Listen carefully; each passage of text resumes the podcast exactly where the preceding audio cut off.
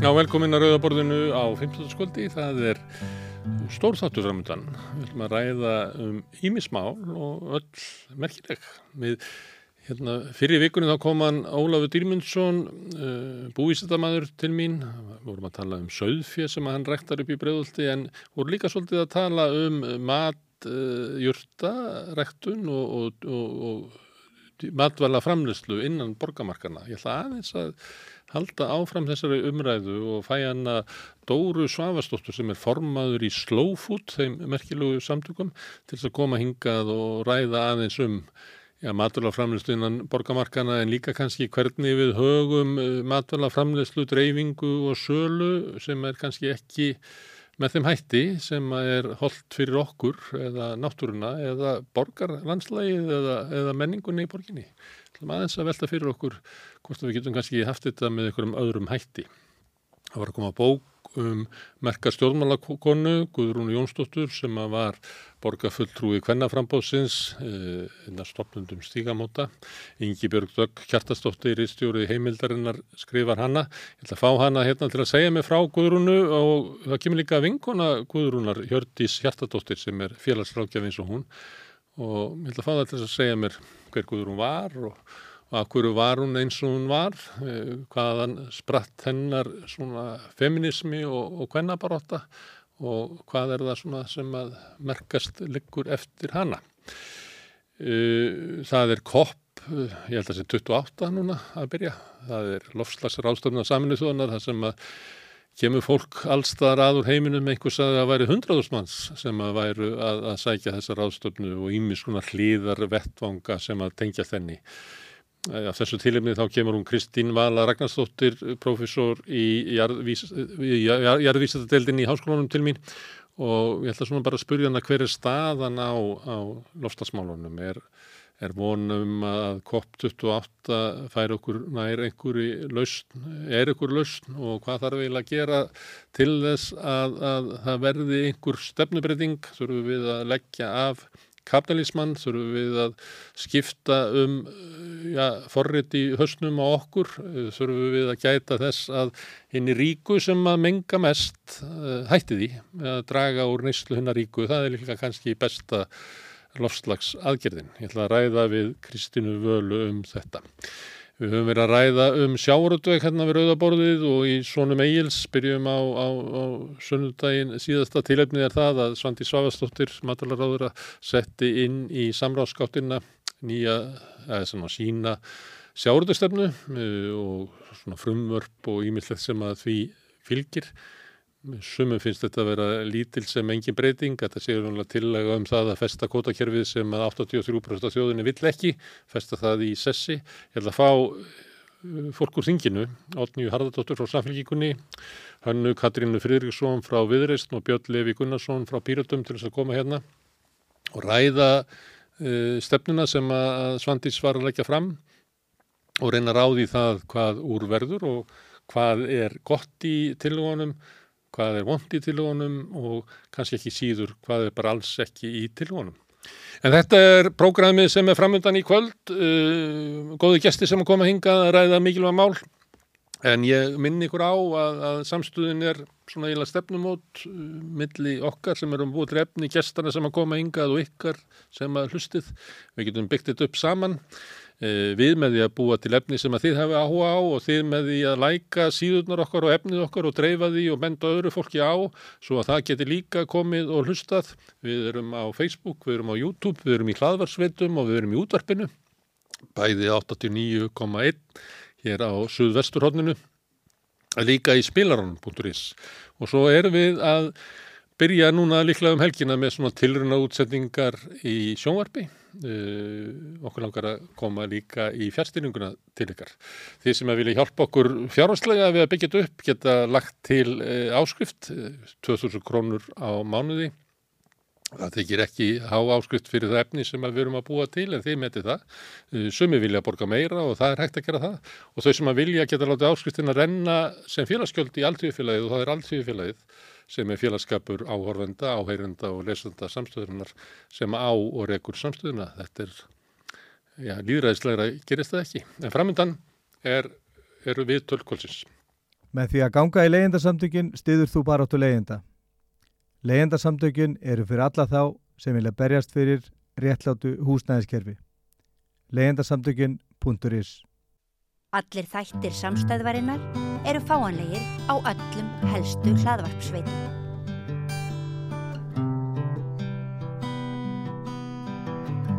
Herru, þá er það sjávarðusmálinn að fyrir viku síðan að þá uh, setti uh, Svandi Sváðstóttir, matalaráðura, inn á samráðskáttina, uh, sjávarðustefnu, drauga frumvarfi og þingslóndantillugu svona ímyndilegt dótt sem er afrakstur af stórum nefndum sem voru kallaðar auðlindin okkar með alls konar undirdeildum og fleira sem áttu að endur skoða sjávarðustefnuna og sjáurðustöfman er náttúrulega ja, rísa mál í okkar samfélagi hérna grundvöllum hefnaðarskerfisins sluti af raunverulega sjálfstæðisbarat Íslandinga að ná tökum á ná undir Ísland uh, fiskviðurlundunum. En þetta er stort mál og hinga eru komin þingmenn til að ræða stefnunennar Svandísar, Átni Harðardóttir sem sittur á þingi fyrir samfélginguna, Hanna Katrín Freyrísson sem sittur á þingi fyrir viðrist og Björn Levi Gunnarsson sem er pírati. Verið velkomin. Takk fyrir. Takk fyrir. Takk. Má ég byrja þeir átni í hvað hérna, sko þetta ræðum þetta á margan hátt. Þetta ræða um hvað er hann að gott og hvað er hann að vond. Það er líka þetta ræðum um hvað er þarna ekki en ætti að vera. Mm. Þannig að þú færði eiginlega bara frá spil hvað þú til að vera mikilvægast að, til þess að draga upp að því að við erum að reyna okkur á því í hverju fælst stefnubreitingin ef einhver er. Já, nokkulega, sko. Við þyrstum þá kannski fyrst að bara rifja upp hvað er það uh, sem að ósætti er um í, í þessu kerfi. Já. Og það er kannski fyrst og fremst það að kvótakerfið er loka kerfi. Það er mjög erfitt að, að nýjir geta valla komið þarna inn nema mm. þá í gegnum stranduðjarnar og stranda þar og stranda þar mm. og uh, og síðan sko sapnaskvotin að fáar hendur mm. og hann erfist síðan mm. þannig að órétti fer á milli kynsluða mm. og stórútgerðin hún mala gull og hún tegir ánga sína út um allt í hagkerfinu og, og rýður öðrum frá og fólk er ekki ánatt með það og við, og við þess vegna stemma stegum við samþjöppun og, og, og setja þak á hvað heitir það? Hérna hámark. Þið veitu hvað ég á við. Þess vegna erum við með 12% í þessu í lögunum. Mm. það með ekki fara yfir það. Abla, og síðan er veiðgjöldin mm. bara of lág. Mm. og sko og þegar við hugsaum um það sko hvers virði er í rauninni kvotin uh, og við segjum já í sangvært lögum þá á, á útgerðun að borga 19 krónur tæpar á, á kílóð og þoski mm. en þegar þeir eru að vesla sín á milli mm. þá fer kílóð og 400 kall rúm, rúmlega mm. þannig að, að virðið er greinanlega sko við erum að þeir vita hvað, hvers virði kílóð og þoski er og, og verðmerkja það á rúman 400 krónur á meðan að ríkistjóður er að fá fyrir sama kíló sko, það er bara 19 krónir þannig að þetta er svona eitthvað sem að fólk sættir sig ekki við og síðan eh, vitum við að eftirlit með fiskviðaulundinni er mjög veikt og hefur verið að veikjast jæmt og þétt. Uh, og hérna svona tennurnar hafa verið dregnar úr fiskistofu varðandi eftirlitið. Og Uh, svo, bara, svo er þess, þetta umtalum brottkast og viktunarsvindl sem er bara í sjáabíðunum bara spjallaðum sko yfir kaffiballunum mm. hvernig hérna svindla var í dag á endurviktun og svo heimaviktun og miða við hérna hafnaviktun mm. Þannig að þetta er kannski... Það byggir á því að, að stórútgerðin á eiginlega alla virðiskeiðina og getur eiginlega aftur þess að vilja. Já, ráð... Og hafa auk þess svona heimild stjórnvaldum að eiginlega sjá um þetta sjálfur. Í raunin er, er, er útgerðin að segja okkur hvað þeir eru að nýta mikið af auðlundinni. Mm. Við, veist, við, það er hægt að rengja okkar tölur sem að, sem að hérna, er á hafna, hafnaviktinni. Mm. Uh, en hérna, en síðan er spurningin, sko þetta er, þetta er ósættið. En ég held að allir séu sáttir við það að við göngum vel um öðlindina og sá kapli í þessu frumvarfi um þessa vistkerfisnálgun og, og við þurfum að hérna, venda 30% af hafsvæðinu og þetta eru bara alþjóðlega samninga sem við höfum gert og þannig að sákabli í frumvarpinu en að svandisar tel ég vera til góðs. Það er bara góður gildur en, en frumvarpið sko? og hennar stefna adressar ekki gaggrinni á kvotakjörfið Nei, sem engin... gaggrinni nýtur stuðning sko 70-80% þjóðinni. Já og, og því miður er það þannig en það er tekið samt á tengdum aðlum og það er farið eftir 17. grein í samkjöfnislögun sem mér finnst vera, hún er rosalega matskjönd og þetta er rosalega rugglingslegt hvernig á að fara að meta, meta það hvort að aðlar eru tengdir eða ekki. Mm. Eh, Kristján Þór uh, lagði fram í, í samráðskott á sínum tíma viðmið fyrir tengda aðila og notaði þar fyrirmynd í fjármálafyrirtækjum sem er miklu skýrari heldur enn í samkjöfnislögum og það eru sérlögum fjármálafyrirtæki vegna þess að það eru miklu hagsmur undir og mér finnst við geta yfirfært það þegar við erum að tala um öðlindin okkar. Það er að taka betur á þessu í henni til og. Já, en, en hérna þannig að, og, tekur eftir því þegar þú lest frumvarpið, uh, greinja gerðina með frumvarpinu að tekstin er alltaf að tala til útgerðamannana Við erum að leggja til hér þetta viðmið fyrir tengda aðila uh, og, og vekja aðtikla því að þetta er vægasta tillaga sem komið hefur fram og þess vegna má segja við sem að gæta meðalhófi. Meðalhófi þá gagvart útgerðamennunum mm. en ekki gagvart þjóðunni sem er eigandi auðlindarinnar eða hvað. Það er verið að tala til útgerðamennunni gegnum þessa, þessa hérna, greina gerð alla leið sko og síðan finnst mér, vil, myndi ég vilja gera aðtúrsemdi við þess að hækkun úr 12% upp í 15% ef að fyrirtæki fara á markað og þetta er ekki sko, þetta er ekki smá hækkun, þetta er hækkun um 25%, mm. þú mútt bæta við 25% mm. eh, ef þú setur eh, fyrirtæki á markað, auðvitað fylgir því eitthvað gegnsægi að fara á markað en þetta er ansi ansið góð búbót fyrir að gera, gera bara það og það er ekki tekið á deilumálunum svo ég kannski já. bara ég kem, mm. það ég kom inn aftur síðar. Já, kannski það, vilja ykkur fleiri koma staði í þessu hætti og það að fyrirtæki sé að fara að marka er kannski bara það sem stór útgerðin vill, það eru kynsluðaskipti í gangi og það er svona leið til þess að flytja auðin á milli kynsluða, þá er það bara mjög klókt að setja fyrirtækir á marka það er að flest fyrirtækin eru bara á leiðinu mm. en hann, eh, Hanna-Kandrin, hvað Er þetta rétt sem áttinn að segja að, að, að Svandís er ekki að, að svona adressa það sem hefur verið fundið að í kvotakjörunu og það sem veldur almennri, bara meginn þorrið almennings, er ósáttur í þá kerfi? Mm. Já, já, ég, ég get alveg tekið undir það og flesta því sem Otni segir, en það hefur svo sem verið samstíga í, í, í gaggrínu okkar á þetta kerfi að langmestu leiti aðeins kannski upphafi að ég tel þetta jákvægt skref ef text, við, það er náttúrulega bara komið halva leið og tæplega það er inn í samráðsgátt núna um, ekki komið til þýnsins að, að, að ná þessu saman í einn lagabálk, bara til að auðvelda yfirsýn og næstu skref breytinga, vegna þess að hluti af vandanum hefur verið hvað það hefur verið niður brotið og erfitt fyrir marga að áttast á heldarmyndin og það býður upp á alls konar krúsidúlur sem eru mjög sjaldan almenningi í hag.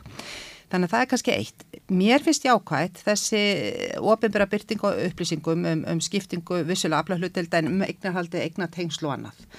E, mér finnst jákvægt e, að það sé búið að búið til kvata fyrir, fyrir skráning á markaði en að því gefnu auðvitað það sé búið að laga ákveði óreitlæti bakvið og þetta er alveg rétt sem að kemur fram hjá ykkur báðum að, að meða við þann auð sem hefur sapnast núna á tiltekna fjölskyldur, mm. þá eru menn bara að nota þetta sem tækifæri eða geta gert til þess að, að tryggja það áfram með að koma millir kynsluða. Punturinn er þessi að það er búið að gera núna tvær tilraunir, annars vegar með skýslubeinu sem ég stóð fyrir fyrir nokkurum árum til að átta okkur á e, ítökum stórútgerðarinnar og eigenda hennar í íslensku samfélagi utan mm. við útgerðina. Mm. Það tókst ekki Svandískerði tilraun í upphafi þessarar vinnu uh, og með þekkja nú söguna hvernig, hvernig það fór. Mm. Þannig að þetta kannski tilraun til þess að það hefur þá hægt að gera það í þriðaskipti þegar búið er að skrá þessar upplýsingar um tengda aðila og það er bara til mikils unnið að því að ég, mér sínist á þessu verki og nákvæmlega út frá því hvað ekki er þar að það þurfi frekari atrinnur til.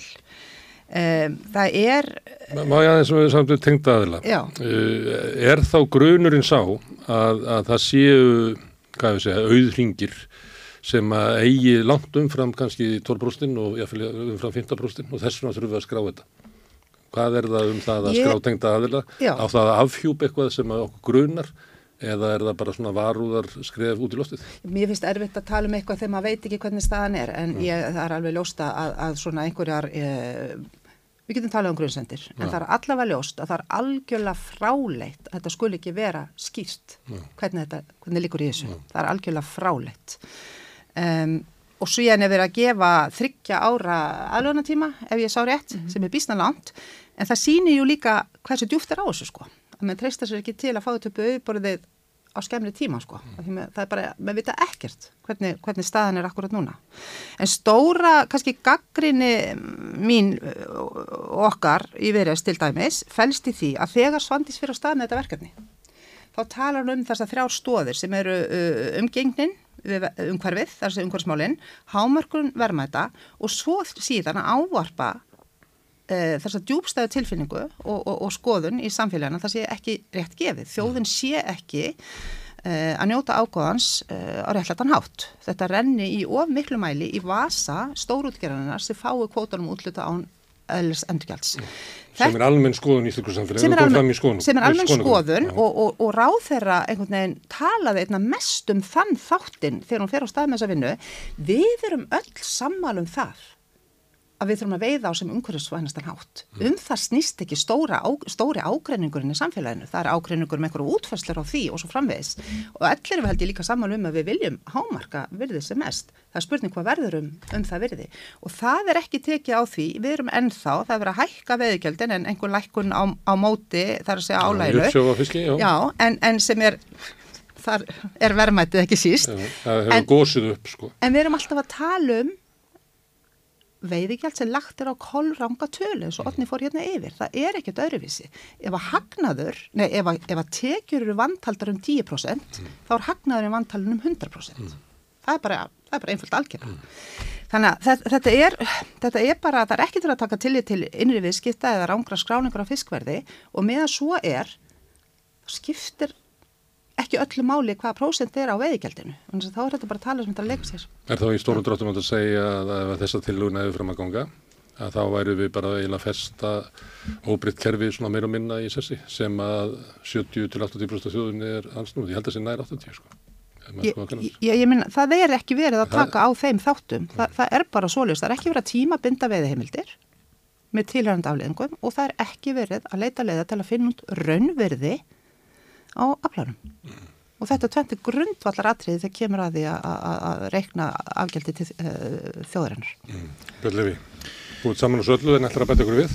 Já, ég bara búið að fara ágætlega vel yfir hérna svona kosti og galla hérna í þessu um, þingmára okkar Gísli Rafnóla sem var með fyrirspurning og síðasta þingi mitt um e, þessar enn eignar hlut og það kemur fram í svari matvalar á þeirra og þar, þar eru listaður upp þeirra aðelar sem eru með sem sagt, eru með kvota og svona og það var áhugavert innleggi umræðina það, þar kemur fram að frekari greininga og að leggja fram eigi síðan en 31. desember 2023. Þar kom hann fram að Guðmundur Kristjánsson í Brím á 8,6% af auðlindin okkar sem að ég veit ekki alveg hvort að, að kynsluðuna sem stóðu í landirgis stríðanum hafi sér fyrir sér það er verið að berjast fyrir hann Þetta er, þetta er, allt, þetta er allt mjög merkjað sko. það er kannski tvent sem er alveg til að koma inn í, í viðbútt við þetta hérna, eh, ég var með fyrirspurtum það inn í fjárlæðinam fyrir nokkur márum síðan.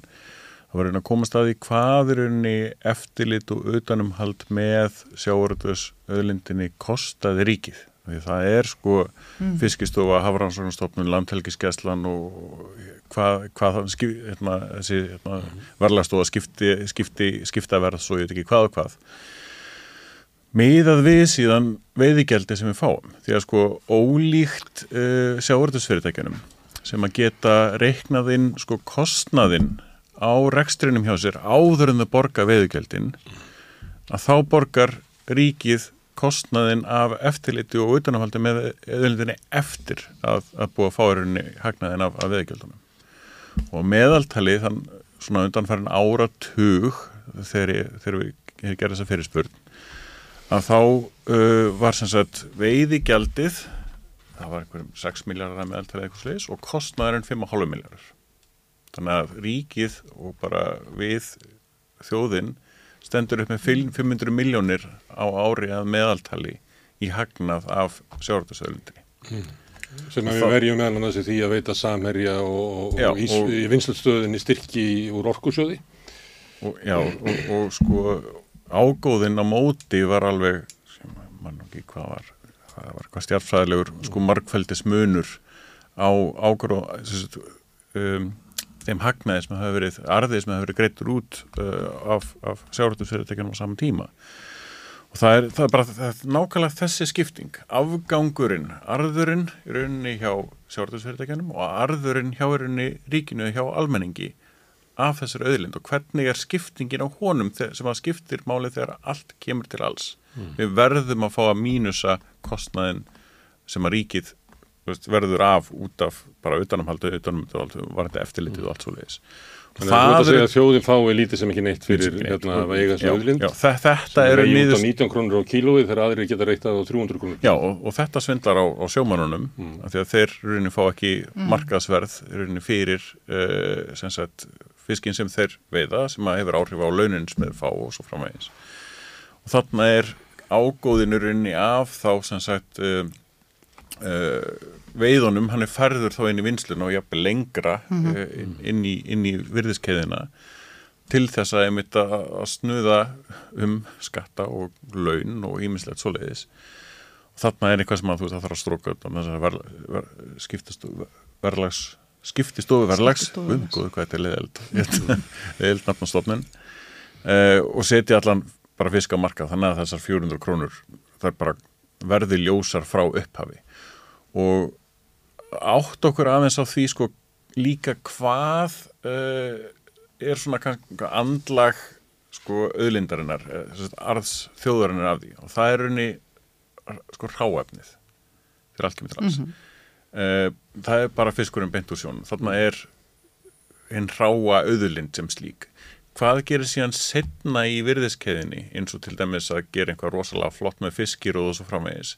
Það er ekki runni hluti af veiðigjald af hlutanum eða neitt þýlít það, en það hefur nóga róði það er ekki eftir að kóta það Nei, það, meni, það hefur, hefur vissilega áhrif á uh, kaupin á Ef þetta fer að markað, þá hefur það áhrif. Nákvæmlega, það hefur áhrif veist, inn í það. En, og það er bara eðli skattprósent og svo framvegið sem er tekin mm. af allir virðiskeiðinu sem gerist eftir á þegar það verður að gera eitthvað rosalega flotta prótínvörur eða eitthvað þýlít mm. úr, úr ráa, uh, ráa fyrstun sem er tekin upp úr, upp úr sjónum þar er auðlind, auðlindin okkar þannig að það er annars vegar einmitt aðgangsgjald að henni og, og hins vegar síðan bara vennileg skattar. Það er að tala um að útgerða sér tvísköttuð með veiðgjöldunum og öllum bara vennilegum tekjuskatti mm. og allt, allt svo leiðis og það er náttúrulega bara algjörlega ránt. Mm. Það er aðgangsgjald annars vegar með veiðgjaldið og síðan er bara vennjulegi skattar af atvinnustar sem eins og hún gengur að gera. Þetta er svipað og sá sem að legði húsnaður ríkinu geti kvartaði verið í að vera tvíborga skattin, það var búin að borga leguna og einmitt. svo var hann líka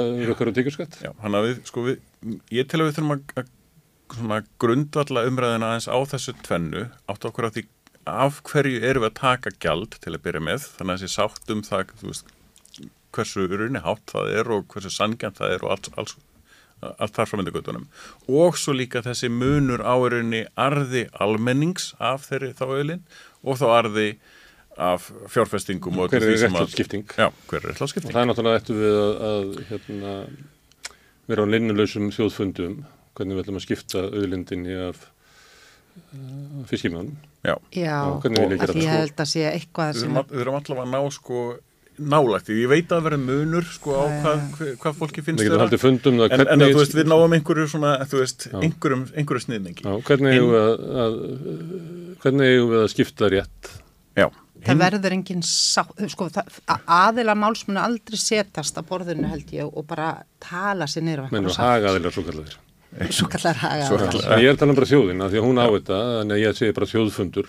Ég er ekki ráð fyrir að þjóðin að 80% er að semja við 5% Nei, ég var nú að meina sérst fulltrúar hennar, fulltrúar hennar, já, já. við erum bara að tala um aðla sem vilja borga sem minnst og helst ekkert og svo aðla, þannig að þetta verður, það verður bara einhver ofan á sko í, í, í slíku samtali og, og það er alveg lós hverjir hafa orðið ofan á til þessa. Right. Ég held að verði aldrei, það verður aldrei sáttu um veiðigjald sem á stjórnmálamenn ákveða Nei. hvernig reknireglan er undir. Nákvæmlega. Það, það, verður, það, það, það verður aldrei sátt um það, en þess vegna held ég að, að útbóð í hæfilegum magni til hæfilegs tíma til þess að fá fram markasverðið eða hvaða eru sem að útgerðamenn eru tilbúinir til þess að leia kvotan á og það sé rétta leiðin. Og í þessu frumvarfi er aðeins svona snert á því með byggðarkvotan mm. en það er bara svo rosalega lítið að, að það er ekki réttu verðið sko. og líka sko, kannski á vittlesu hluta því að 5,3% eru svona félagslegi hlutin og svo er einn almenna kvotakerfið þar fyrir hlutan Já, en uppbóð á að reyna uppbóðið sko byggða megin sem Já. að er svolítið kostulegt. Það er svo sem hefur verið sko byggðakerfið eins og byggðakvotin og sérstakki byggðarkvotin, það hefur verið deil, deilur um hann og menn hafa sagt að, það, lenda, að þetta lendir allt bara í höndunum á stórútgerinu hvað sem er. Afleitur aðferðið þetta. Þannig að, að það væri, þú veist, það er ástæð til þess að, að breyta þar en til þess að fá sko, gera einhverja alvöru tilraun með útbóð eða leigu á, á aflaheimildu þá hefðu þau þurft að taka minnstkosti 2% af stóra kerfinu og setja í, í púkið mm. og þá hefðu við, að það sem ekki hægt á því að, að ef við erum að bjóða og lítið út þá fáum við allt á háttverð og það er svo auðvilt að segja að það er ekki að marka þetta, þetta er, þetta er jáðaverð eða, og ef við gerum mikið að þá, líka, þá getur verið á láttverð og það, veist, það, það þarf að vera eitthvað svona mm -hmm. millibið, eitthvað svona hæfilegu skamtur til þess að við getum hérna, átt okkur á hvers, hvers virði útgerðin sjálf telur að, að kvótin sé. Við erum samt með nýlegt dæmi. Mm -hmm. Það er ekki bara 400 kallinn. Það er salan á, á hérna, Vísi í Grindavík þegar hérna, Sildavinsland kefti Vísi mm. og þá er sem sagt eh, samkvæmt ásreikningi eh, EIF Vísi 6 miljardar króna en síldavinslar kaupir samt á 31 miljard sem að sínir að, að það er eitthvað virði í óvita kvotanum. Mm -hmm. Það er eitthvað framtíð að tekju sem menn alltaf taka inn af því það er, það er ekki að bæta við kvota, það er mm -hmm. jafn mikill kvoti á báðum stöðum. En það er sem sagt virði kvotan sem að þarna er metin til 20 miljardar. Þar fyrir utan er sko kvoti inn í reikningunum með þeim, þannig að kvotin er líka Sagt, eh, sem hérna, skuld. En þetta er sko þetta er ein, ein... þau er ekki hóttan 100% af því að þeir eru með veðjum já já en sko vísir hefur verið mjög duglur að kaupa upp kóta þarna er þess kótir sem var í Húsavík og þannig kóti hér og þar á landinu mm. sem er núna á leiðinni til Neskustad mm. en meðan að fólk sko. meðan að fólk horfir á þennan mikla mun á því sem er að, krónunum sem er að renni í ríkisjóð fyrir auðlindina mm. uh, og það sem að er að renni í vasa útgerðamanna og, og þaðan í vasa barna þeirra sko, mm. að þá hérna er fólk ósátt en það eru 83% ósátt samkvæmt síðustu kunni. Já, já, og ég meina það er líka, við komum aftur að þessu, það bara liggur alveg klárt fyrir að núverandi stjórnaflokkar, það er ekki vilji hjá þeim til þess að breyta þessu með að prófa raunverulega útbóðsleiðina eh, af ótta við viðbröð stórutgerðarinnar mm. uh, þannig að þessi átökum tímabindingu veiðheimilda uh, hvað er varaleg, hver á uh, kvótan og svo framvegis. Ég meina þau, þetta er ennþá sömu átökin. Mér langar aðeins af því að það þýðir að við erum först með þetta veiðgjald allavega á, á, á næstunni. Og þess vegna er svo svekkjand að sjá í þeim breytingum, fyrir utan það að það var ekki tekin þetta skref til að raunverulega reyna fyrir alvöru að finna út raunverulegt verði eða hvað stórútgerinn sjálfi tilbúin til að borga þá var heldur ekki laga þetta, þessi innri skekja í, í útreikningi veiðgjaldana þar að segja að, að fara í taka á þessari rengu skráningu á fiskverði og innra, innri viðskiptum og bara aðeins að því ég var að nota þess að leika með þess að tölur áðan og ég áttaði mig á því veist, þetta er reynilega þannig að ef að menn mistelja uh, velduna svona og við gefum okkur bara Selja sjálfur sér undir verði Já, já. Eh, við gefum okkar að hagna sér 10% af veldunni mm.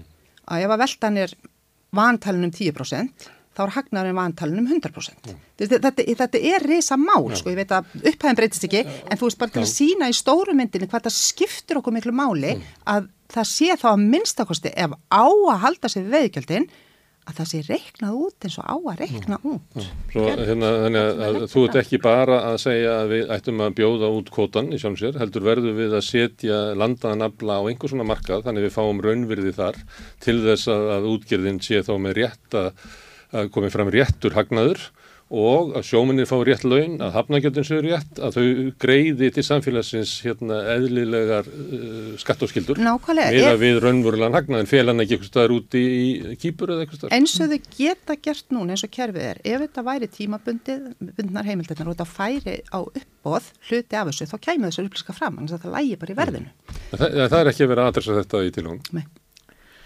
Þetta, þetta nær síðan mun lengra sko, það er annars vegar pólitíkin að hérna, Svandís er að koma með þessa, þessa tillögu núna, samráðskátt núna, hún klárast aldrei á þessu þengi, hún er ekki lagt fram í, í lok þessa þings, Já. það var einhver smá umræði lok þingsins og einhver háfað og svo leiðis og það voru svona umsagnaferli og þroskaferli hérna, frjóðarsins hérna í sumar, það, það voru lagt fram í upphafi næsta uh, þings sem er þá kostninga árirunni, kostninga þingveiturinn Það var ennþá ár til kostninga. Já, eða svona, það fer til hvort það voru þess kostningar, það var mjög áhugavert að sjá það. Og það, sko, ég hef nullvæntingar, engar væntingar um að þetta frumvarp fari í gegn.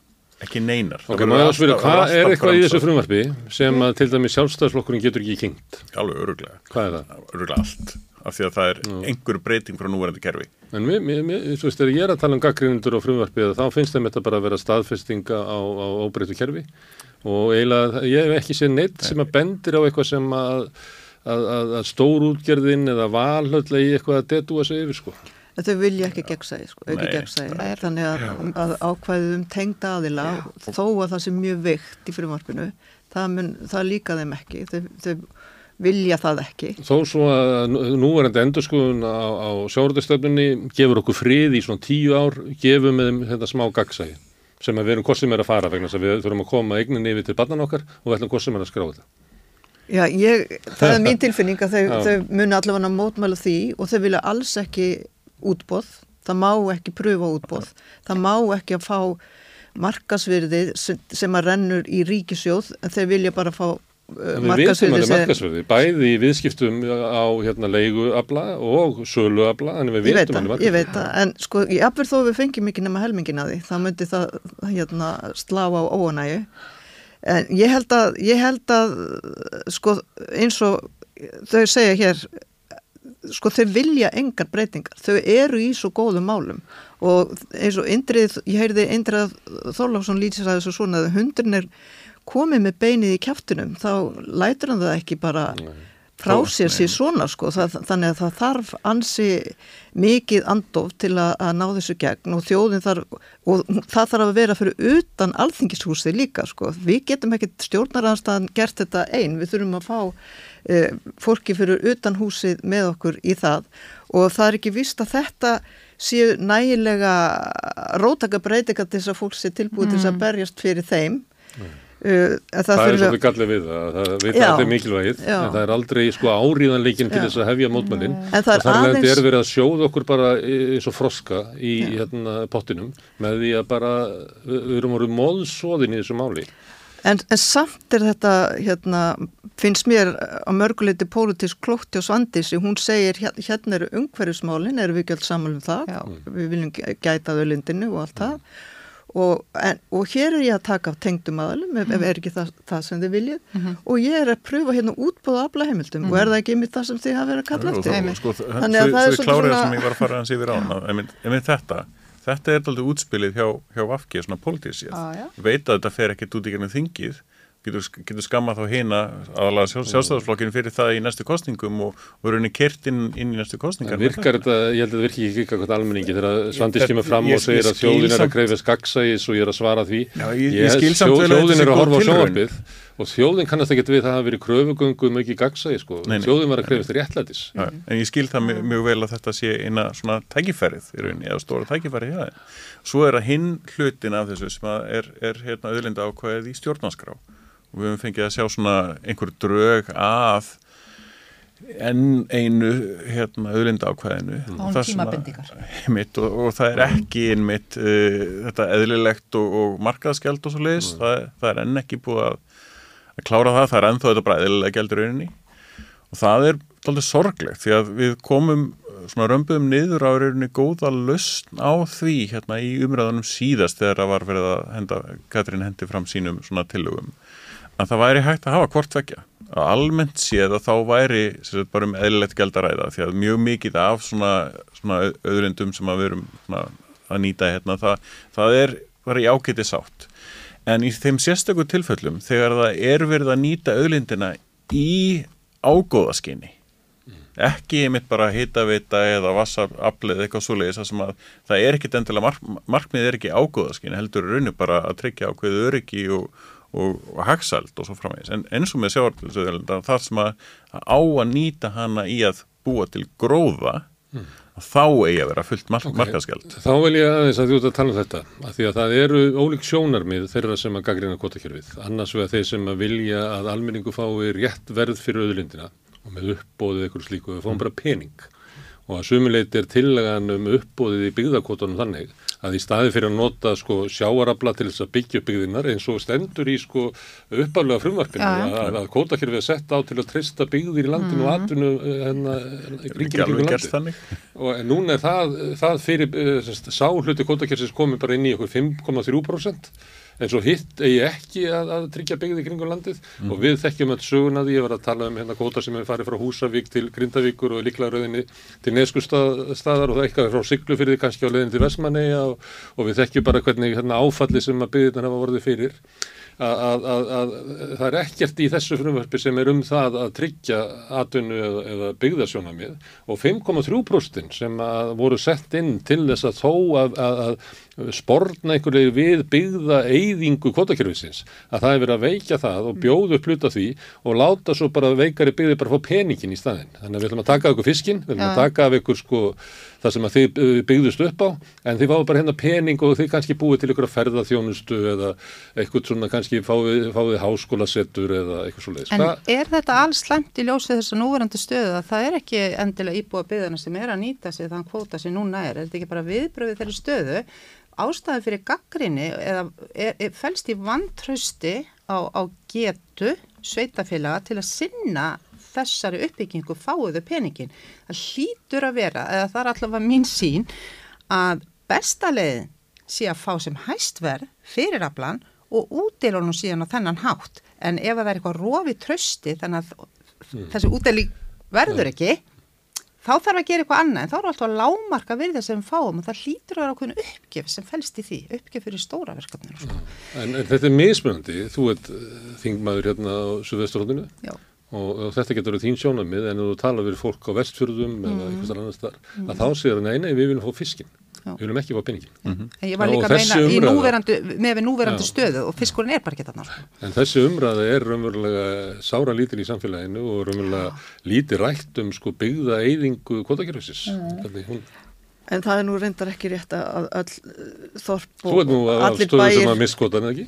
Jú, jú, en Já. það er ekki þannig að allir bæir uh, myndi, myndi hafna fjárminunum það eru mjög mörg sjáarpláss sem að segja við viljum bara fá mm. peningin en sumir segja við viljum fá fiskin ekkit, ekkit, já, sumir segja, sumir segja það en, en þegar þú horfir á myndina að þá eru fæstir einhvern veginn að, að fá það sem að, sem að þeim er lofa sko, mm. með útlutum byggðakvota og ég tala ekki um sérstakka byggðakvotan og það er í rauninni ekkert að taka frá byggðunum ég, þegar ég var bæjastur í gardi þá þú veist ég að sækja, vinna það sérstaklega og færa rauk fyrir því að, að eitthvað hefur gerst í bænum þannig að við ættum rétt af að fá, fá kvóta.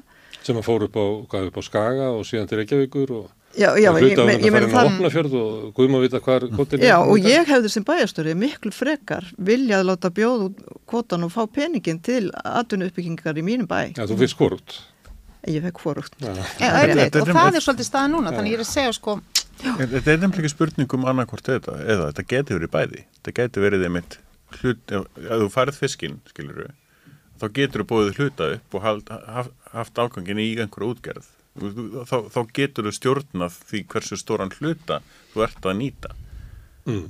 og hversu stóran hluta þá ertu bara að, að, að dreifa Já, og reynslan af strandiðkerfinu held ég að sé ef þið spurjið fólk út á landi er mjög jákvæmt þessu leiti, það er bara allir ekki með lífi í höfnina mm. og, og ég, ég held að þú finnir engan sko hérna eh, frá Mórselsbæ og alveg ringin út á ég veit ekki hvert og litlu kaffestofu fyrir alveg ringin, það finnir mm. engan sem andmælir því að sko strandiðkerfið sé gott og vilja að það er ekki verið auka það. Mm.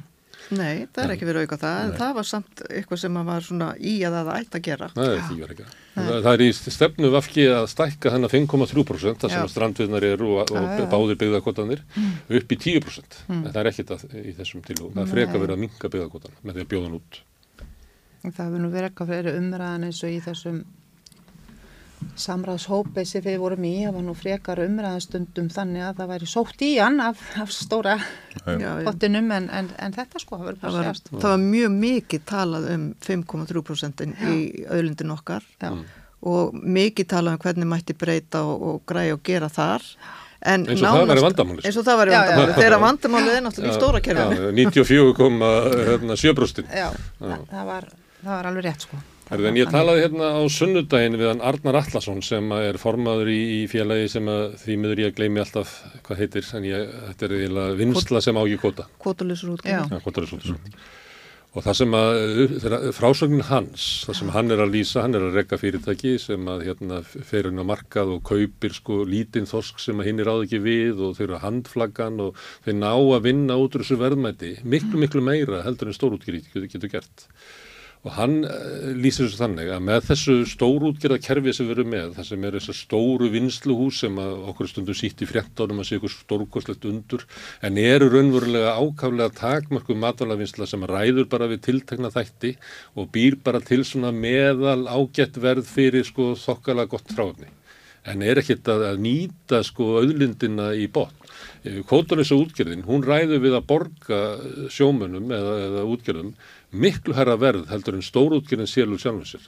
Og hann segir að með því að fara að, að, að búa til kerfi sem að þjónar fyrst og stórútgerðinni þá er almenningur eða bara þjóðin að missa hérna, gríðarlega bara fjármunni mm. þar sem að við erum að afröðaverði okkar á endanum er bara miklu lægra heldur en við leifðum að hafa sko samkeppni í sjáröldvi þeir sem að sko kerfið við erum með sko fákeppnis og einogunar kerfi í sjáratunum þar sem mm. að útgjörnir selur sjálfum sér e, og í slíku ástandi við þekkjum á Íslandi að þá er hérna, hugmyndin ekki svo að, að, að ná sem hæsta sko afurðaverði heldur ferð út í það bara að spara kostnaði sem mest og velvæðir frist í húsið og þú hérna reynar að lækka kostnað hér og þar vegna þess að peningurum bara flæðir til því næstu automatíst mm.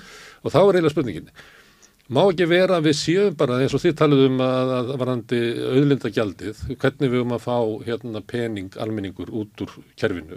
Að við séum bara kolrangri leið og við séum líka bara kolrangri leið ef við horfum á þetta sem aturauppbygging þessi trúum að, að, að hérna, stærðar hafkvæmni sé alltaf betri kostur heldur en samkjöfni. Þetta er mjög að ræða fyrir þig í viðrist. Já og ég hjónum eftir svolítið, þetta er áhugaverð sko, Já. en ég hjó svolítið eftir orðalæðinu sem hún notar, kvótalösa útgerinn, hún borgar það verð sem hún ræður við, Já. hún borgar verðið sem myndast á markanum sem hún er að spila á. Já, hún verður að ná afröðverði til þess að sko réttlega. Nákvæmlega, versus það sem stórútgerðin greiðir, að því að hennar kerfi sem heimur stórútgerðarinn er sá, að þau eru ekki rukkuð um raunverð verðið sem þú ræður við, það miðast að því hvað þú telur því fá síðan fyrir þetta, ég menn það er verið að verðleggja eigin, þannig að ég myndi segja að þessi nákvæmlega staða staðfestir mm. að það er markaðurinn sem á að ráða verðið stórútgerðunar. Mm. Það sorglega er að það eru bara kannski 7% af sjáurðunum okkar sem eru í þessum samkynnismarkaði sem að Arnar var að lýsa. Já og, og, og þau, þeir eru til dæmis mjög háðir strandveðunum og mm -hmm. öðru slíku Alkjörlega. sem er að sé bara ykkur í, í gangi utan stórútgerðar mm -hmm. því það er eiginlega bara svona svart hól mm -hmm.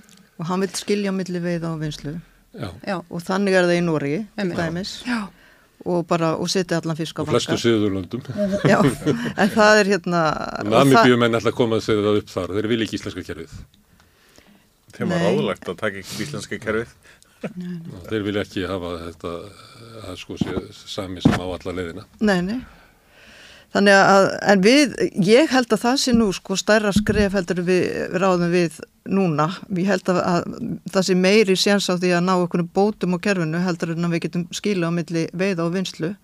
En eitt af því sem að kæmi uh, kótalösum útgerðum vel uh, væri að, að stærri hluti aflans færa markað Já. og þá þurfti líka aðeins að, að, að sko skoða, ekki bara aðeins það, við þurfum auðvitað að skoða gámafiskinn, svo kallaða það sem að óunnin fiskur er keiftur á markað og sendur úr landi. Það, það þyrfti það, það þyrfti að vera eitthvað skorður á því. Mm. við, og hérna einu sinni var, var eitthvað gjald eh, veist, sem þú þurftur að borga ef þú fóst með fiskin úr mm. landi.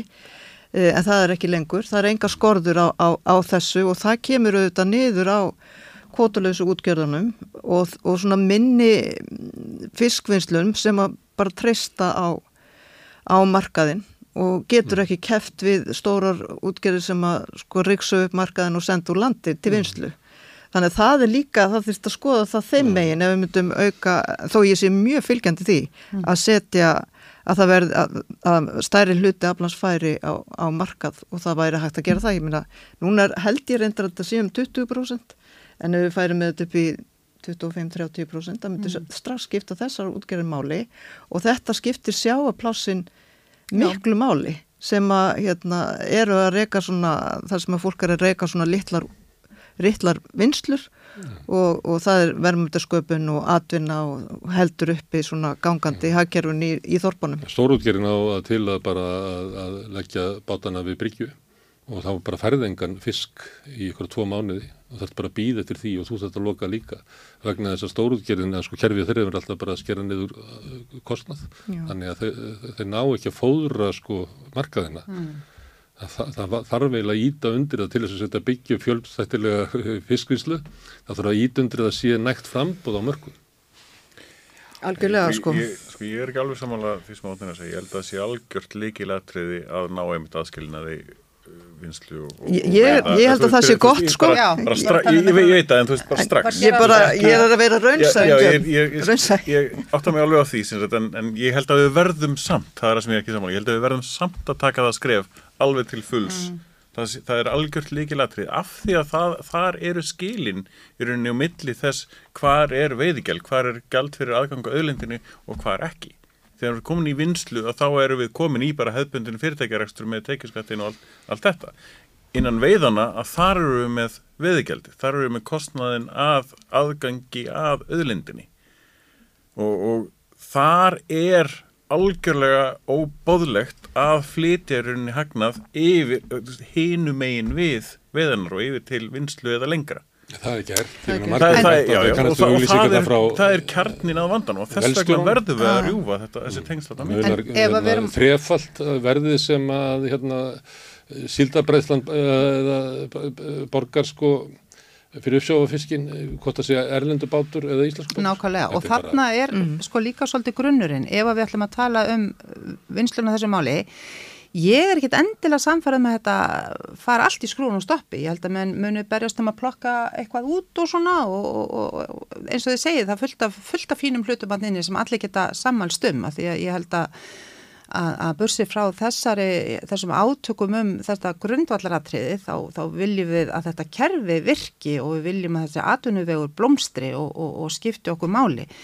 Um, en sko ég myndi kannski sjá að það er ljóst að þetta er ekki nefnt neitt um, um að prófa markasleiðinu eða setja eitthvað á, á, á, á uppbóð uh, ef að veiðigjald á útrekningum er þið breytt þannig að það væri tekið til tillit til innri viðskipta og rángra skráningar þú veist það sér þið breytt þannig að raunverð eða innri viðskiptubannuð já já.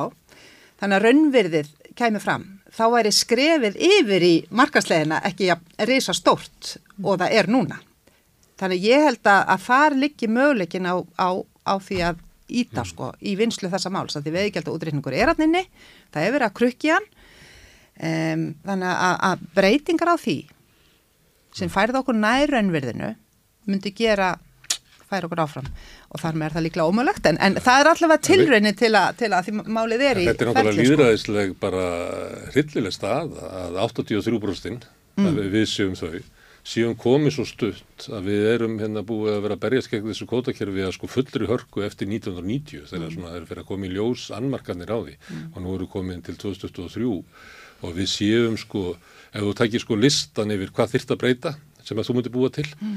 að þá er kannski bara fyrst mikilvægsta atriðið hjá Sandísi er kannski nummer 11 sko á listanum -hmm. þínum -hmm. það bara hittir ekkit adressa sko -hmm. -hmm. En svo er bara annað mál sem varðar líðræðir er að stóru útgerðirnar eru bara svo, svo stórar Já.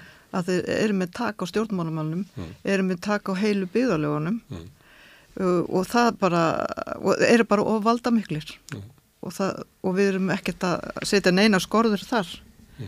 Nei, það er alveg nei, nei. mjög mikil kúun í gangi hjá sjómanum til dæmis á, á, á, veist, með brottkastinu og öllu þessu það er einhver segir, einhver, einhver segir eitthvað pípa þá, þá bara komin einhver nýra staðin Já, og það er hver kjænast það vinnu. Hver kjænast það vinnu.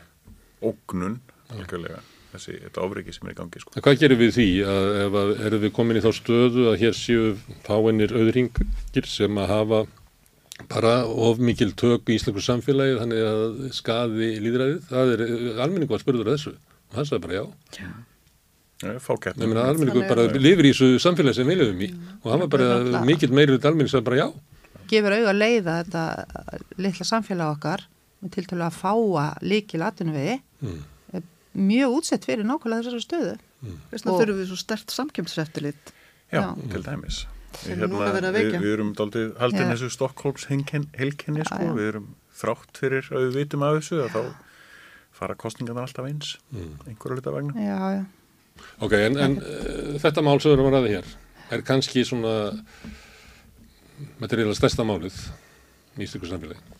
Þetta er það og þetta er, sko, nú er þetta nýjum samræðskátt, mm. umsagnarfrestur þar. Ja, ég er ekki að tala um frumvarfi hennar, ég er að tala um málið sem við vorum að ræða, því að ég er með listan að þessu tíu atriði sem að ætta að vera að nynni en er ekki. Nei, ég ætla að segja bara, og það er umsagnarfrestur til 20. annars, hérna, desember, ja. eftir það ferða í þinglega meðferð, einhvern tíman eftir jól, ef það líkum lætur, og þá er náttúrulega tækifæri til að taka stóru umræðina, sko. Akkurat, eins og þið segi, ég meina, þú veist, fá einhvers konar tengsla á milli e, þess sem þjóðin álítur mm. og vill og, og því sem að e, pólitíkinn talar um. Mm. Ég ekki sko frumarfið þetta ekki inn fyrir ná á síðasta mögulega útdelingardegi eða svona rétt í kringu það, ja, þannig að rétt í lok, lokmars. Rétt sko. Ég held að, að Vafge myndi sko reyna að lifta sér á þessu frumvarfi Já, meira. Ne, næsta, og segja veist, ne, og láta bara steita þessu. Og mm. að því þau eru kannski mér í vandræðum og segja hérna við komum þess ekki gegn og þá getum við ekki verið í þessari ríkistjóra Þa, Það er sem ég að segja, en það gerist á næsta þingi fyrir þeirra Þetta er bara ekki nú róta til þess. Þau mun ekki lifta sér nægilega á þessu frumvarfi út af landi er brjáluð yfir þessu. Það er bara þannig. Þannig það vantar inn í frumvarfi Ég ætti með alveg á því sko.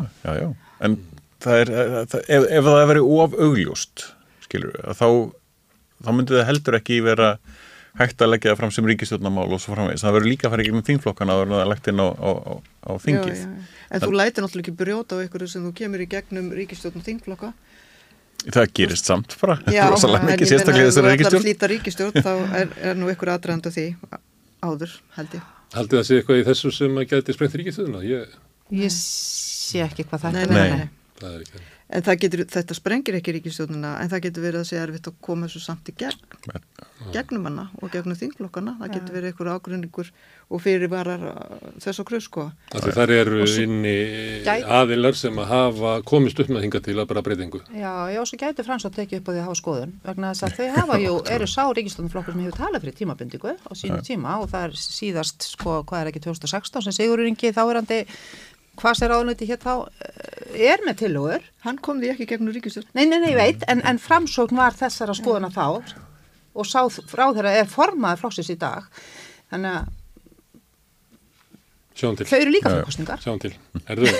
já, já, já, já, já, við skulum hugsa um okkar flokka bara. Við vonum bara að við getum spynt okkur í þetta frumar og náðum hérna. Gekk góðu breytingar. Já. Já. Ég var einmitt að hugsa þegar þú varst að segja að hérna, margir spátóma sem hafa byrjað á því að ég held að Vafki mun ekki hafa ekki rest. nei, nei, það er, nei, nei. er með alltaf. Herðu, en Odni, Hanna og Björn Levi, kæra þakki fyrir komuna að ræða þetta mikilvæga mál sem ég reikna með að við munum halda áfram að ræða hér og ég fekk einn ábindingu að við ættum að kannski heyri í framsókn hvað þeim finnst um þetta. Endilega. Gangið vel. Takk fyrir. Við höldum áfram hérna við Rauðaborðið að reyna að skilja samfélagsöflum í næsti kapli eftir augnumleik. Húsnæðiskostnaður tegum meira en helming á ráðstöðuna tegjum verkafólks í eblingu. Hvernig er þetta réttlæta það? Ebling stjættafélag. Samstöðin er í eigu hlustenda, áhörvenda og lesenda.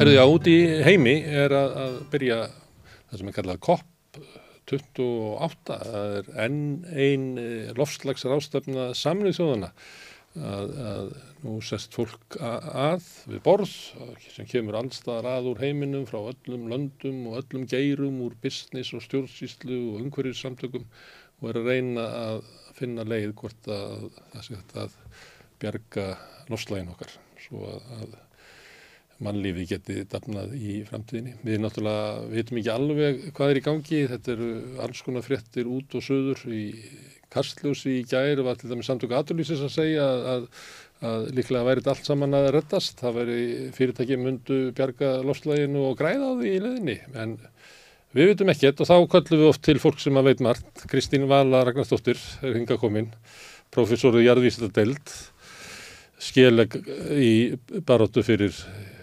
að, að fólk takja alvarlega loslasmálinu og verði ykkur alvöru aðgerðir. Er velkomin. Takk. Er því ég er að eiginlega fáði hingað til þess að segja mér og hlustundum svona hver er staðan?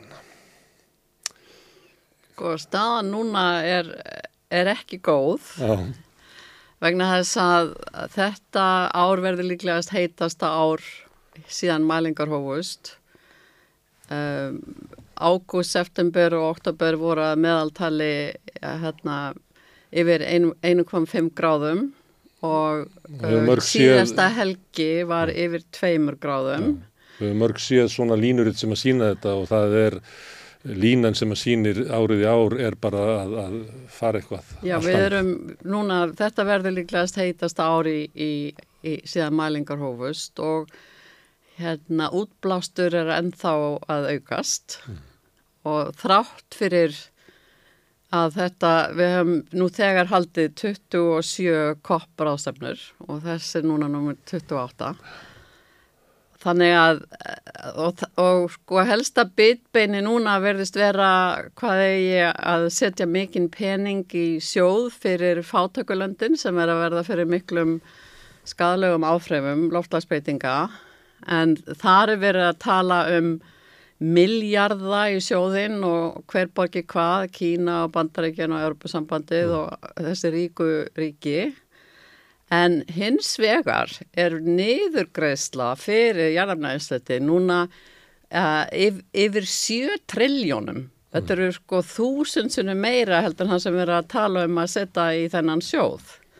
Þannig að, að ef, ef við myndum bara hætta að greiða niður jarðarmjörneldstöti, þá gæti við gert ansi margt. Hvernig er það greitt nýður af því að Íslandíkar sem að fara á bensinstöðar, þeim að vera að borga bara fúlgur fyrir er, er...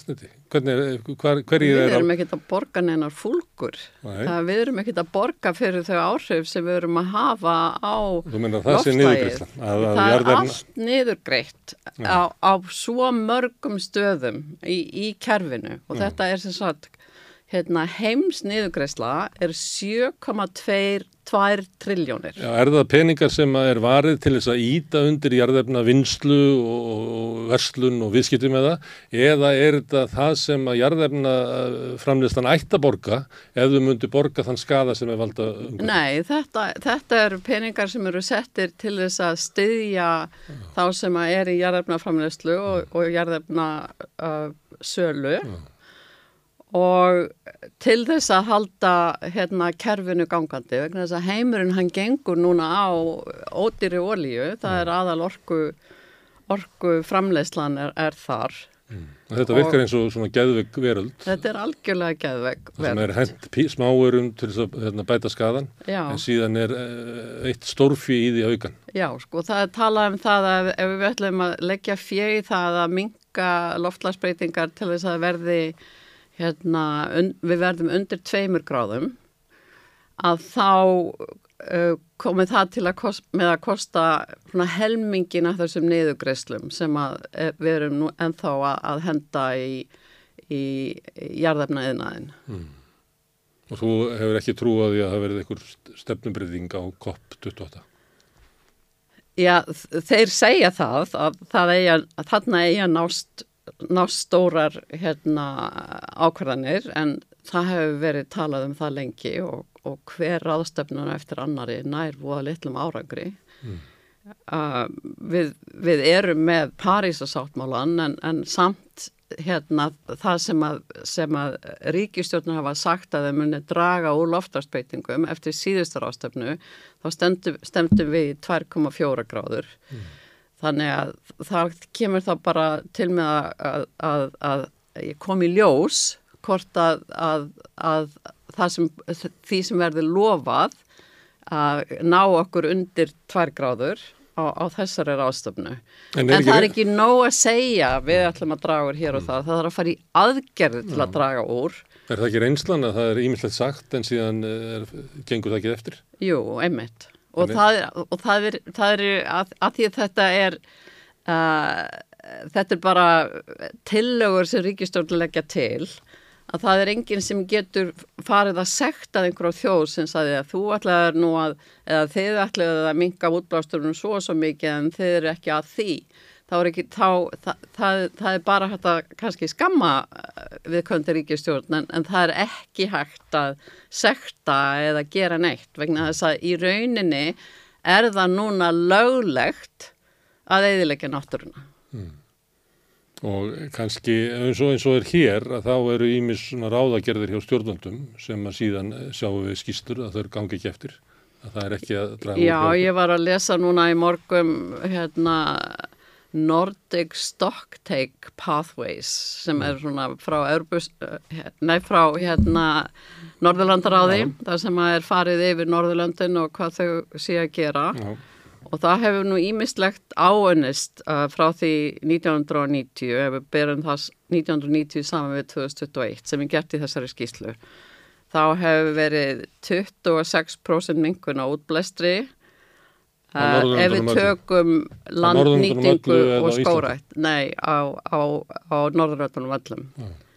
Um, orkuframleysla er 55% útblæstri og þar hefur orðið 40% minkun að úrgánsstjórnur það hefur verið 59% mingun, samgöngur 5%, yðnaður 17%, landbúnaður 12%.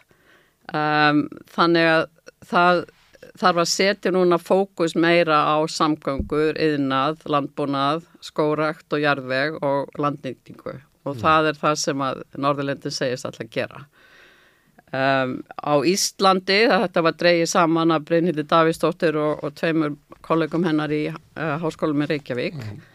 um, að það er bent á að, að í stefnu Ísland sé að minga nótkunn á jarðarblæðarstöndi, minga úr, úrgang og eftirspöldn á, á og, og betri samgöngur og að landnýting og skórækt komi betur inn en aðgerðar áallanir sem að ríkistjórn hefur lagt fram er bara of máttlaus mm.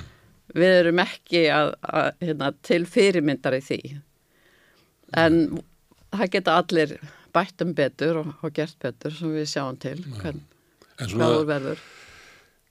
Maður geti hugsað að, að kannski er gallin við þetta kerfið, þessar ráðstöfnur og eitthvað fleira að, að hvert land fyrir sig og kannski sérstaklega smáþjóður geta sagt í sjálfum sér þá erum við ekki að fara að berga heiminum sko, við hérna herðum að okkur hérna og leggjum ímislegt á okkur að, að þá björgum við ekki heiminum á meðan að hinnir er, er, er að minga. Já, en, en, en ef við svo að skoðum hvernig hérna við höfum okkur hér á þessu landi, mm. að þá eru við með stærsta vissbor í heimi, ef allur heimverinn myndi búa eins og við, þá þurftum við 14 jarðir sem er meira heldur en, heldur en Araparíkin og Ástralja sem eru með eitt stæsta eh, vistborið. Mm. Þannig að þótt að útblásturinn verð ekki hér á Íslandi að þá er það að neyslan okkur sem gerir það verkum að við höfum gífulega mikil áhrif. Mm. En þessi sjónamið, þú nýttur nú að hýrt það og að sumleiti þá eins og þetta lýsa sko ráðstöfnunum þá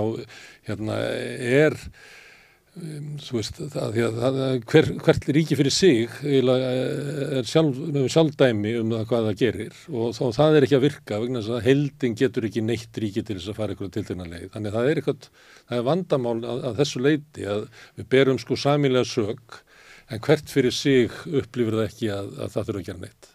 Já og svo geta ríki dreyið sig út eins og til dæmis bandaríki gerði þegar að Trump var fórseti en eru nú að vísu komin inn aftur Um, já, sko, saminuði þjóðnar er ekki nógu öflugar vegna þess að þær hafa eh, ekkert lögjávald. Mm. Þær get ekki farið og, og hérna, sett fólki í, eða refsa fólki eða setja í fangelsi fyrir að menga svona mikið.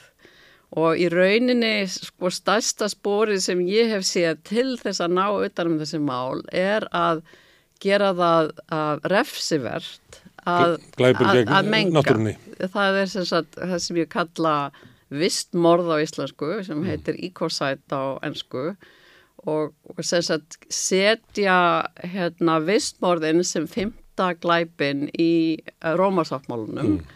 það sem verið er að, að draga hérna ráðamenn til saka í, í sambandi við, við, við stríðs hérna framkomu og í rauninni erum við að, hef, að, að herja stríð gegn náttúrinni mm. og við getum komið sagt vistmorðið þar inn sem er marg, stór hópur fólks út um all, allan heim er að vinna að, mm.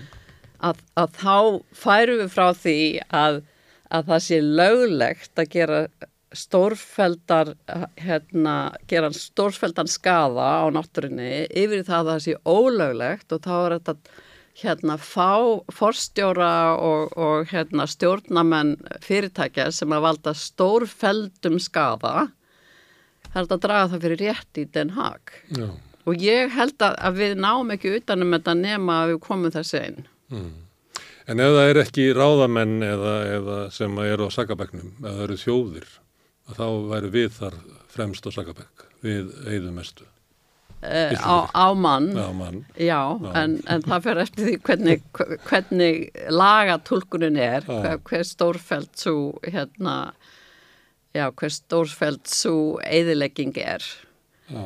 og ef, ef að við hérna, markvöldum þetta uh, já uh, útblástur á mann uh, sinnum 300.000 eða núna næstu 400.000 að, að þá er það náttúrulega ekkit á við hérna miljóna, miljarda þjóðir. Æ, þannig að já þetta, þetta er vandamáli okkar þetta er vandamáli að, í heldinni þá skiptum við yngum máli en hlutfastlega þá eru við vest Já en við gætum alveg tekið þessi mál alvarlega til skoðunar. Mm. og hérna við erum ekki skoðunar, heldur til að gera eitthvað. Já, til Já. skoðunar og síðan að fara í einhverja aðgerra áallun við þurfum að reyna að menta fólk til þess að skilja þau áhrif sem að að hver einstaklingur hefur og í rauninni það viðtal við mig í vísi í dag þar sem að ég fer yfir þessi neslumál mm.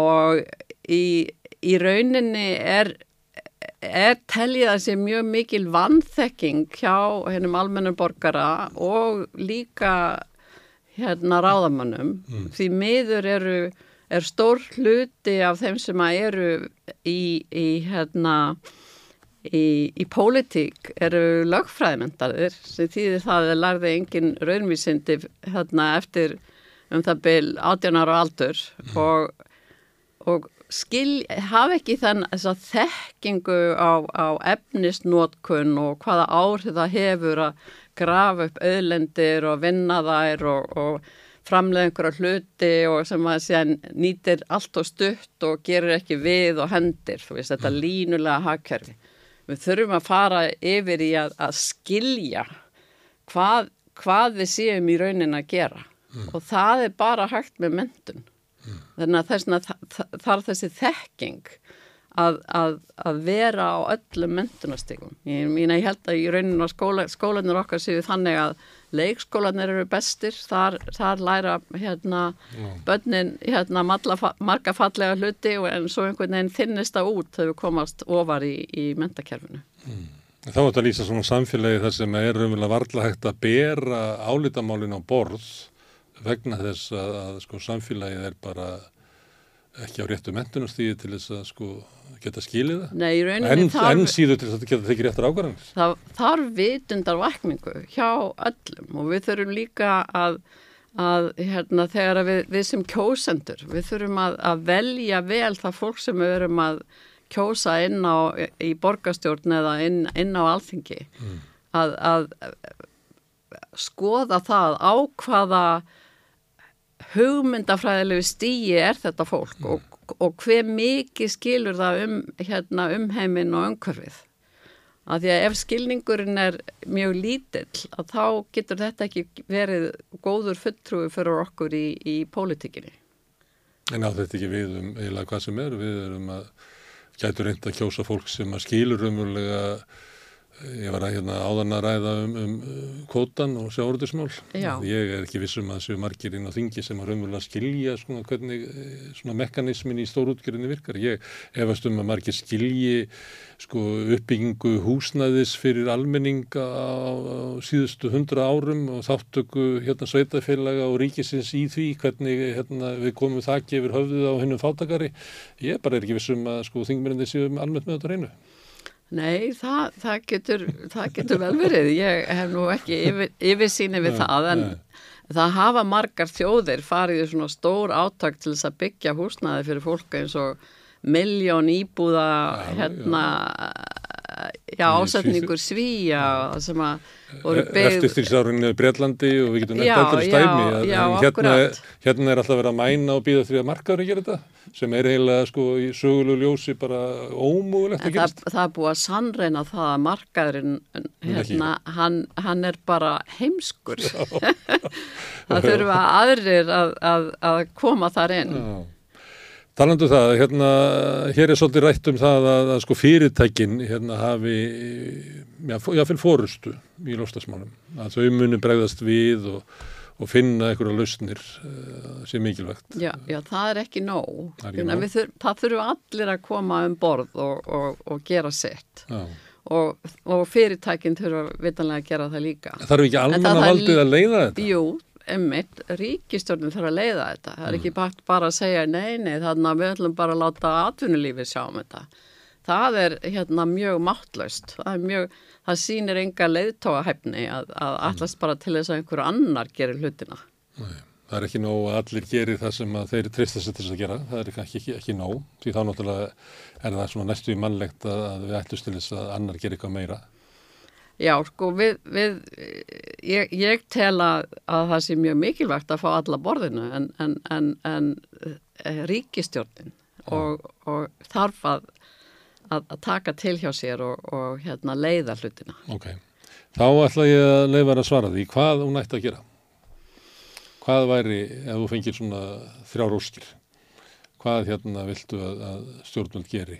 Já, það er að auka mentun á þessu sviði á, á, öllum, á öllum skólastegum til þess að við séum með upplýst fólk. Uh, við þurfum að, að læra af, ég, ég fá stjórnmálamenn til þess að tala við ömmu sínur og afa og, og læra hvaða nýttni þeyðir og, og hérna, hvernig getum hérna, uh, nýtt hlutina betur. Uh, það er verið að þrýsta á stjórnvöld að, að greiða niður kostnað varalhutum og, og kostnað á viðgerðum sem að, sem að ég vona að komist í gegn af því þá getur, geta þeir hluti sem að við kaupum ennst lengur. Þau þurfa að, að, að hérna, ráðleggja fólki að kaupa vandaða vöru sem að endist, endist lengur og hægt að gera við í staðan fyrir allt þetta ódýra drasl sem að, sem að dettu strax í sundur og, og fólk er að kaupa. Er það ekki þá bara gert með skallæningu að skalleggja hérna, óendur nýtanlegu vöruna út af markarum? Jú, það ætti að vera mjög, hérna, mjög auðvelt að gera það. Að nýta skattakerfið þannig. Og forgunar gældi bara nógu hátt? Já, akkurat. Þannig að hérna, það, hérna, ég veit ekki hvað oft ég hef barist við þegar, þegar ef að uppþöttabilin mín eða þvóttabilin mín bilar mm og ég kalla til viðgerðamenn þá sagði ég, já þetta kemur nú til með að kosta svo mikið og brótirar fyrir það að kaupa nýja vel ég sagði, nei, ég, jafnvel ef það er dýrara þá ætlum ég að byrja þið um að gera fyr, við þetta fyrir mig því ég ætla ekki að fara að kaupa nýja vel Nei. Ég er með svona þurkara sko, ég bara finn ekki manni til þess að gera við þannig að það er fristninni það að, að kaupa nýja þurkara Já, en það eru nú hérna laghendir menn sem hægt er að finna sem að, mm. það sem hægt er að gera við flest en það, það er ekki auðvelt að finna það og Nei. í rauninu þurfum við að menta fólk inn í hérna hérna, ringrásar hagkerfi þar sem að hérna, við, við leggjum áherslu á og, og berum virðingu fyrir þeim sem að hjálpa okkur að láta hlutina endast lengur. Mm. Það, vegna þess að við fórum allt og mikið yfir það að bara allir þetta fara í háskóla í staðin fyrir að, að, að hérna, já, leggja áhersla á að það sé mikilvægt að fólk kunni handverk og, og viðgerðir og þar myndu göttunum. Mm. Þú ert eiginlega að tala um að við þurfum að, að breyta afstuð okkar bara til lífsins og samfélagsins og náttúrunar já. og við þurfum að hætta að keira inn þennan veg og taka bara uppi og keira Við þurfum í rauninu að fara, fara hringvegin þannig að við kaupum, hérna, kaupum ákveðna hluti og við sjáum til þess að, að, að það sá hluti sem vandaður og síðan nýtum við að lengi og það er gert við og allt það og og svo loksins ef ekki er hægt að gera við lengur að, að þá sé hægt að nota hlutin í eitthvað annað eða fer bara inn í ringgrásina og, og þar sé þar, þar na, fara efnin í ringgrás og koma svo aftur inn í, í hérna, byrjunareitin mm. og það hafa verið sko, gerða skýslu núna undanfærin ár sem að bera heitið The Circularity Gap eða sem sagt það bil sem var milli hérna, þessar línulega og, og ringgrásar ferlis og í rauninni er það hérna stærstu skrefin sem við tekir tengjast byggingariðnaðanum mm. Byggingum, já, hvernig við byggjum hús og hver lengi þau endist og á mörg,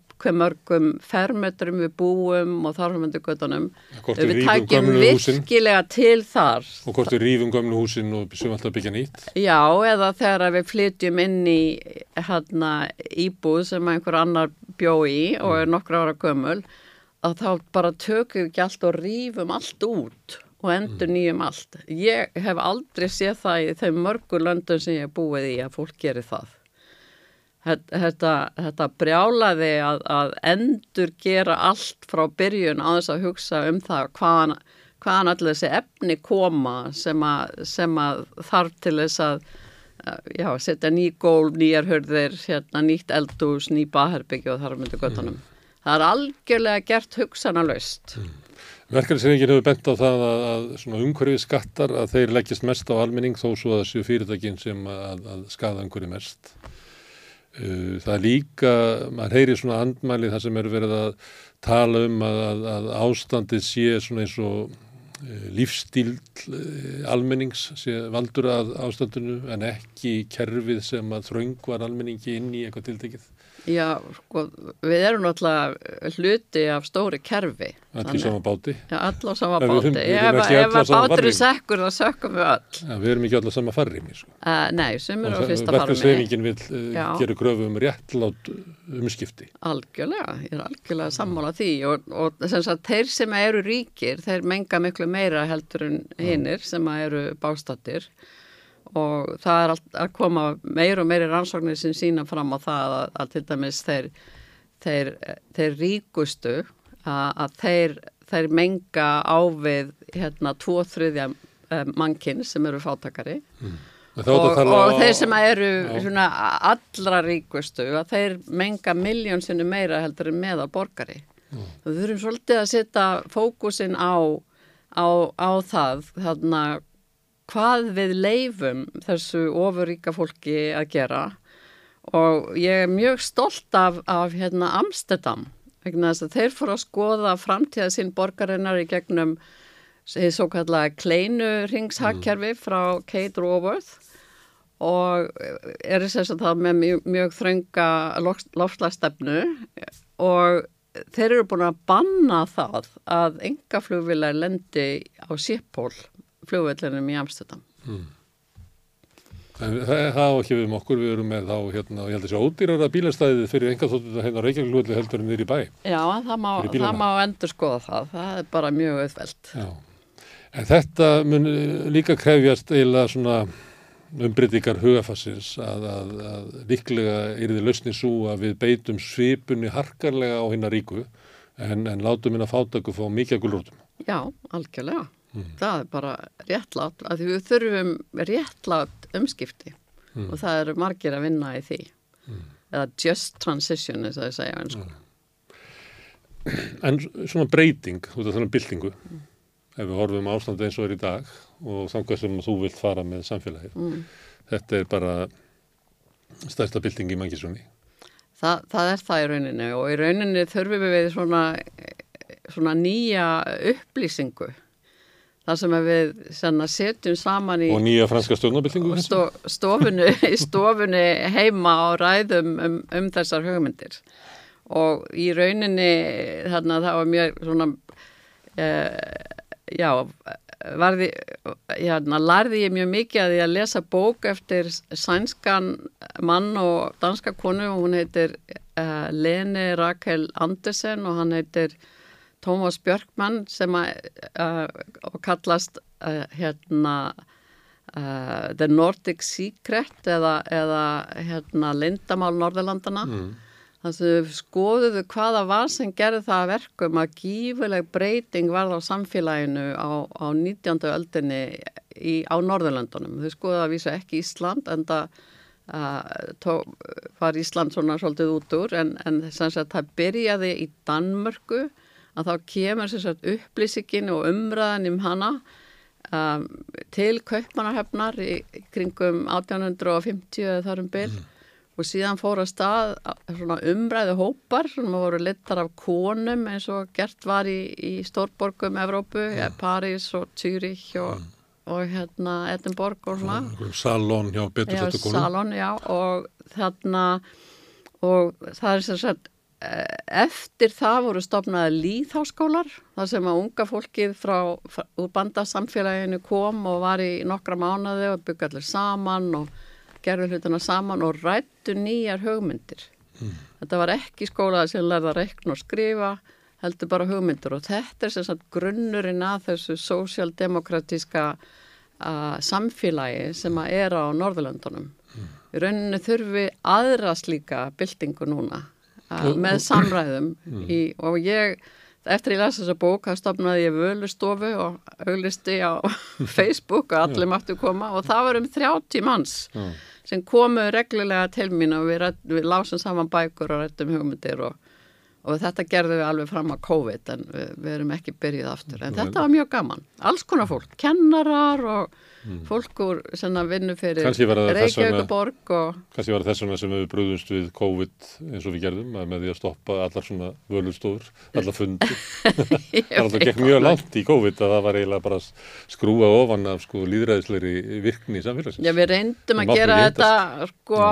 online sko Já, en það, það einhvern veginn ekki var að gefa það sama En það er þannig að að tala um svona íla andlega vakningu á, á, á 19. öldinni uh, sem að gekk mjög langt í, á Norðurlandunum og hafði bara áhrif út um allar stofnarnir samfélagsins og það var, það var meins að gera bilding í, í kirkjunni þar, það sem að leikmannakirkjan tók, þau feldu af sér embatismannakirkjuna og mm -hmm. það var líðræðisvakning út um allt og, og, og einhver leiti þá er uh, saga 20. aldarinnar afkvæmi þessara hugmynda það voru til samfunnurreyfingar og já, alls konar hlættir og þannig að þegar að auðvaldið misti lögmæti sitt í lok uh, stríðs og auður hafið tapast og almenningur hafið þarlegandi meiri völd að þá náði sömta þessum hugmyndum fram að ganga. Mm. En síðan náttúrulega náði auðvaldið vopnum sínum og hefur bankað niður þessar hugmyndir þannig að það er ekki ja. alveg þannig að völustofa komi og geti lagst ofan á völustofur frá því fyrir 150 árum nei, nei, nei, því að þær hefa sokkið allar. Já, já, já. Nú erum við komin inn á tíma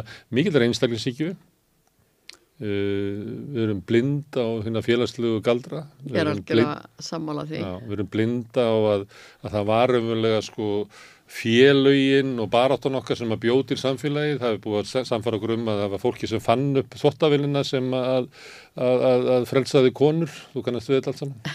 Það er búið að skipta út ég, ég, man, ég man það þegar að pappi hérna, sem vann þá að keppaugurflugvelli keipti upp þetta vel árið 1959 þegar fluttum í raðhúsið á lögalæk og það var framlega hans til hústarfa, saðan við mömmu. Já. Kom svo aldrei inn í eldhús. Nei, nei. Og það sama er náttúrulega gerðt í dag að tala um svona ríkar og fátakari hluta heimsins að, að, að deilur kynjana verkarskiptinguna heim, heimilinu er stundum að, hérna, útvistað til fátakra kona og hvenna ára öðru löndum sem að koma hinga til lands. Já, það er alveg rétt. Já, Já. Þannig að Að, það er þessi triðja vakt sem að sumar konur eru núna að stræka á. Já, lausnin er svo að, að finna fá, eitthvað sem er til í. Fá sér húshjálp, já. já. Þannig að það sem ég er að segja er að sko að uh, það er ekki eins og við getum byggt á fyrri upplýsingu. Heldur erum við á sko lagar í stað sko. Þannig að þú veit að við, við þurfum bara, við þurfum nýja upplýsingu já. og við Andlega þurfum að gera okkur grein fyrir því að, að, að, að hérna þetta markashagkerfi sem er allsráðandi núna er, og, og þessi einblýning á hagvöxt mm. það er rauninni það sem er að, að hérna, er, er að stýra þessari eiginleikunningu á náttúrunni og, og þar með loftlagsbeitingum sem er, mm. er já, það sem er sínilegast af þessu öllu. Mm. En að við sittum hérna við rauðborð og hvað, að því að uh, skilabóðin eru þú að við þurfum að vera minni neyslu, við þurfum að eigða minnu. Hvað segir við hérna fátöku húsjálpina sem við vorum að nefna hérna áðan sem að, að leigir ykkur staðar og fer með stóran hluta ráðstunarfísunni í leiguna og ábar ekki neitt og, og hérna neyðist bara til þess að kaupa ódýrt, getur ekki kipt dýrari vöru sem endast lengur, heldur kaupir bara í í hérna, þessari hröðu hérna, fataframleyslu sem að fötinn duga bara mjög skamt og er bara fastar og, og borðar bara það sem er allra ádýrast þótt að sé ekki helsusamlegt og annars líkt. Hvað, hvað getur þú sagt við þá? Hver er kvöfunar á þá konu? Já, það, það sem að ég, ég myndi segja við samfélagi er það að við þurfum að sjá til þess að, að allir fái uh, mannsæmandi eða hérna laun mm. sem að hægt er að lifa af. Það er náttúrulega bara hérna krafa nummer eitt í, í nútíma samfélagi eins og ég sé það.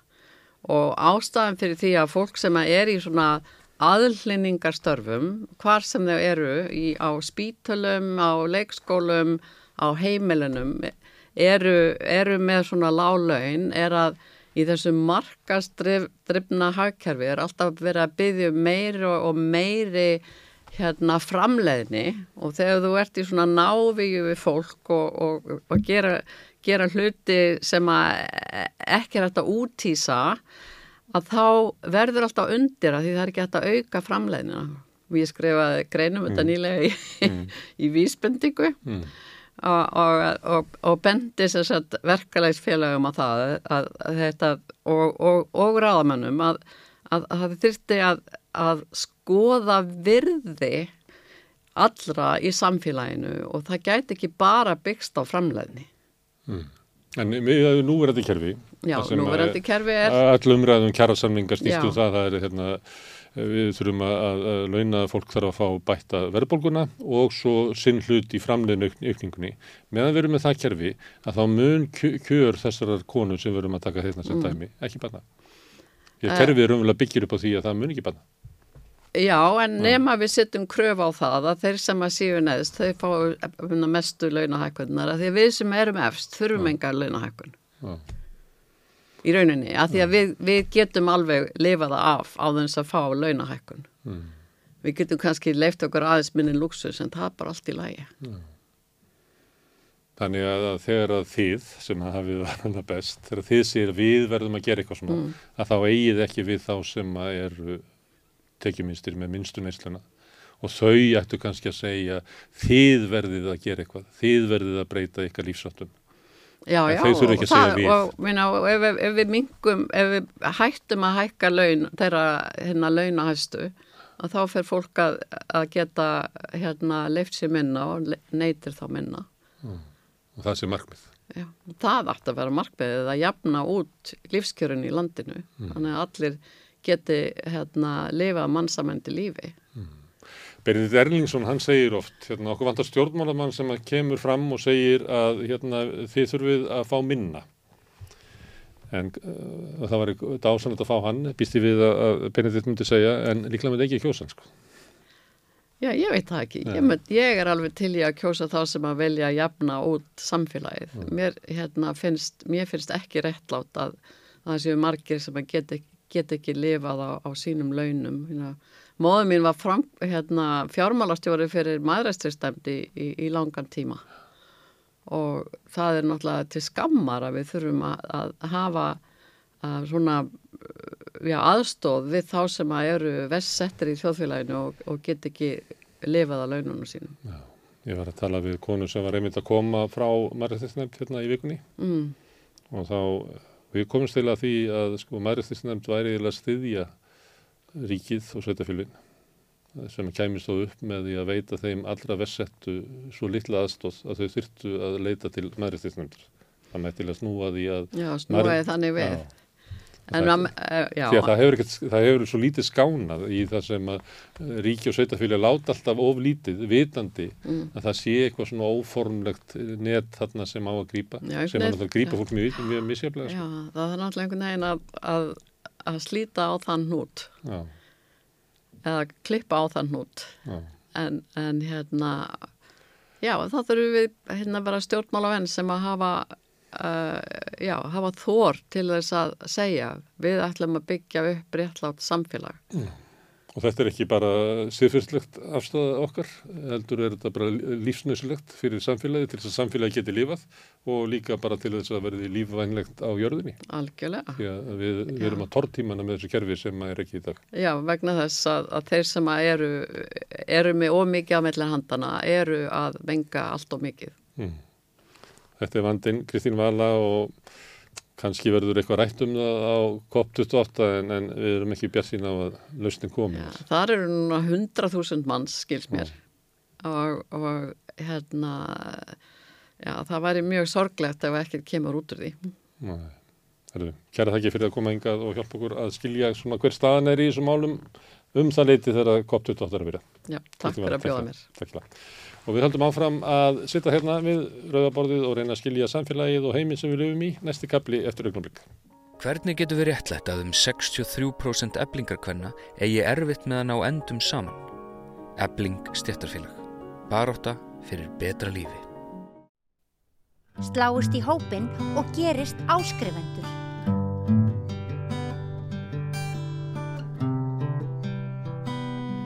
Já, herðu, við ætlum að fjalla núna um eh, ja, skörungu í íslenskum stjórnmálum. Uh, Guðrún Jónsdóttir, það var að koma út baratursaga hennar, uh, ja, hluti bara jólabakaflúðinu og það er Ingebjörg Dögg Kjartastóttir, reistjóri heimildarinnar sem skrifar hana og þú ert hinga komin. Og svo fengum við vinkonu Guðrúnar, Hjördísi Hjartadóttur sem er félagsrákjafi eins og Guðrún var og Þú tekið þátt í baróttunni með henni, eða ekki?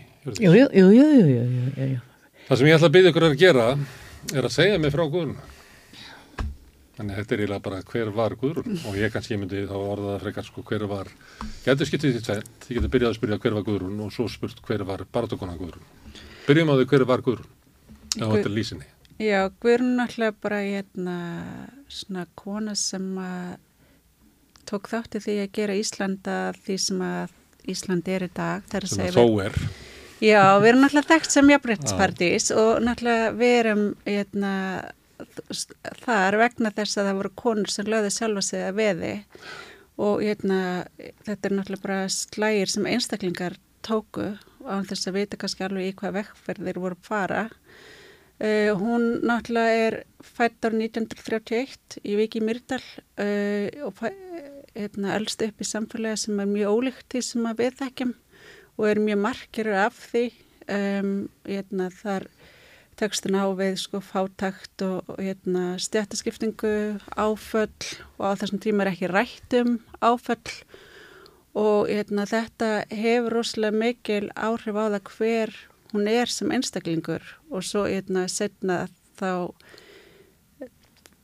á hverjum takst útspróf. Hún mm. sendi kvennarskólan fyrst sko en vil hérna, takst útspróf og er staðráðan í því að hérna, ganga mentavegin, fer til háskóla uh, í nám og kemur heim fyrst í félagsstrákjánu í Íslandi og fyrir þá að vinna fyrir barnavend Reykjavíkur og er í brakkakvarðanum og það móta hana líka mjög mikið mm. að horfa á sko, hérna, eimdina og neyðina sem að byrtast þar þannig að hérna, já, hver er einhver manneski náttúrulega sem marglega og hérna, margt sem býr í einni manneski sko.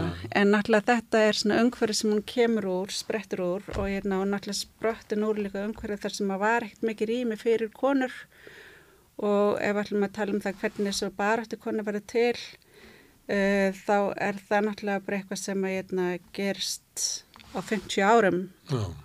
Þú veist áður en þú einhver upphafið til svona þetta er lástjöftar feminismi þetta er ekki forrætteta feminismi Nei, þetta er sko, nei, og hún sjálf reykur sko í hérna feminisman sinn aftur til sko formaðir að sinna, þú veist, uh, og... Þú sinni svona fjölskyttu sögu. Já, úr sinni fjölskyldsu og hún ber alveg í gegnum þessa þræði hvernig veist, þetta hefur allt haft áhrif á mótað og fest konur inn í einhverjum hlutverkum sem þeim leið ekkit endilega rosalega vel í. og hérna svo þegar hérna, hún einhvern veginn og hérna fer að lesa sér til og heyra meira og rauðsökunar verða til og, og hérna það bara svona aðeins að opnast sko heimunum fyrir því að mögulega geta eitthvað annað verið í bóði heldur en bara mm.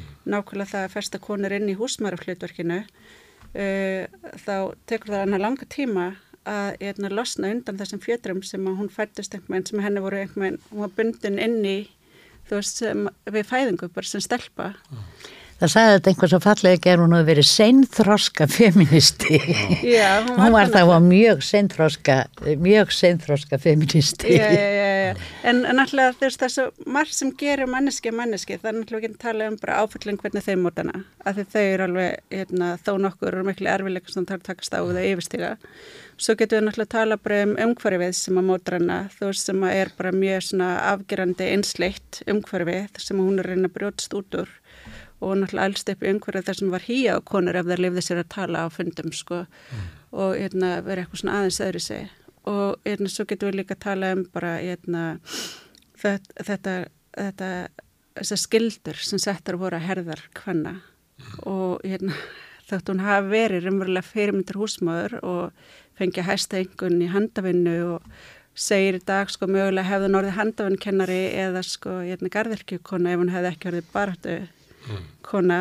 Svo móta barótanuna. Já, þá, þá eitna, er hún, þú veist, alltaf með þessar hugsanir fyrir mm. betra samfélagi og hérna, ekki síst fyrir konur og börn. Og barótan mótar hana og það er ákvörðun feminista, það, það er svona enganlega ákvörðun líka, þetta er ekki bara afstafa í samfélagsmálum, heldur þetta að taka ákvörðun um það hver þú ert í samfélaginu? Ég, sko, ég held að það skipt svo mjög máli sko, að Guðrún var ekki sko, forrættinda eh, feministi mm.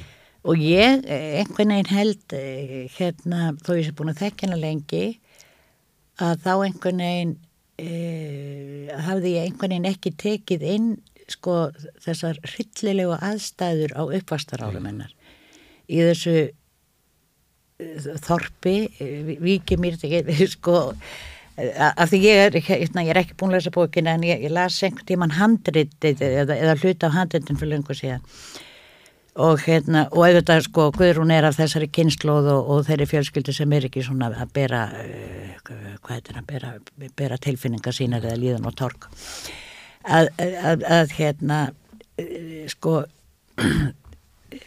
ég, ég bara, ég er bara ekki, var ekki betur, eða er ekki betur að mér það að ég gerði mér ekki grein fyrir hvað þetta var hryllilegt ástand mm. í þessu opáslegu aðdunleysisárum eh, hérna millistrýsárunum og þegar hún er, er krakki og, og hérna og, og, og framöndu stríð og einhvern veginn lýsingarnar hvað maður upplifir við að lesa þetta, hvað maður upplifir sko mikla stjættaskiptingu í þessu pínu litla plássi mm.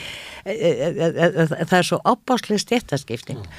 og ég held að, ég held, ég held að, sko, að, að þetta sé eitt af því sem hafi, hafi, hafi líka verið mjög mótandi. Já, ég held að. Já, en svo vel að merkja svona, svona bara lærir Guðrún og Svíþjóð og, og hérna og uh, hún hefur alltaf verið ánskotan um duglegur að lesa allt mögulegt og, og, og hérna þannig hún hefur, hefur fyldist svo vel með því sem var að gerast erlendis. Mm. Hún náttúrulega læri í Svíþjóð og þar er, var samfélagi komið svona lengra veg í áttina að, einhverju svona rétt Já, á, á, á þeim árum. En svo hvernig kemur og byrjar að starfa hér, þá er náttúrulega að starfa kannski það sem að eh, er ekkert verið að taka sérstaklega vel í, í þau sjónamið eða hvað? Nei, náttúrulega, hún starfa fyrir barnavend Reykjavíkur mm. og ég hérna, lýsi því náttúrulega bara svo vel hvað starfið sem hún syndi þar var í algjöru ósamræmi við það sem hún hefði verið að læra úti mm. sko, og, og, hérna, og líka þegar hún var í starfsnámi sem hlutan áminu þá var hann aldrei kynstneinu líkum aðferðum eða umhverfi sko, sem hún lendi í þarna. Og það er held ég líka sko að því að við varum að tala um hvað mótar baráttu konu sko. Henni finnst það erfitt að fyrirgeða sjálf sér það sem að gerðist í barnavend sko.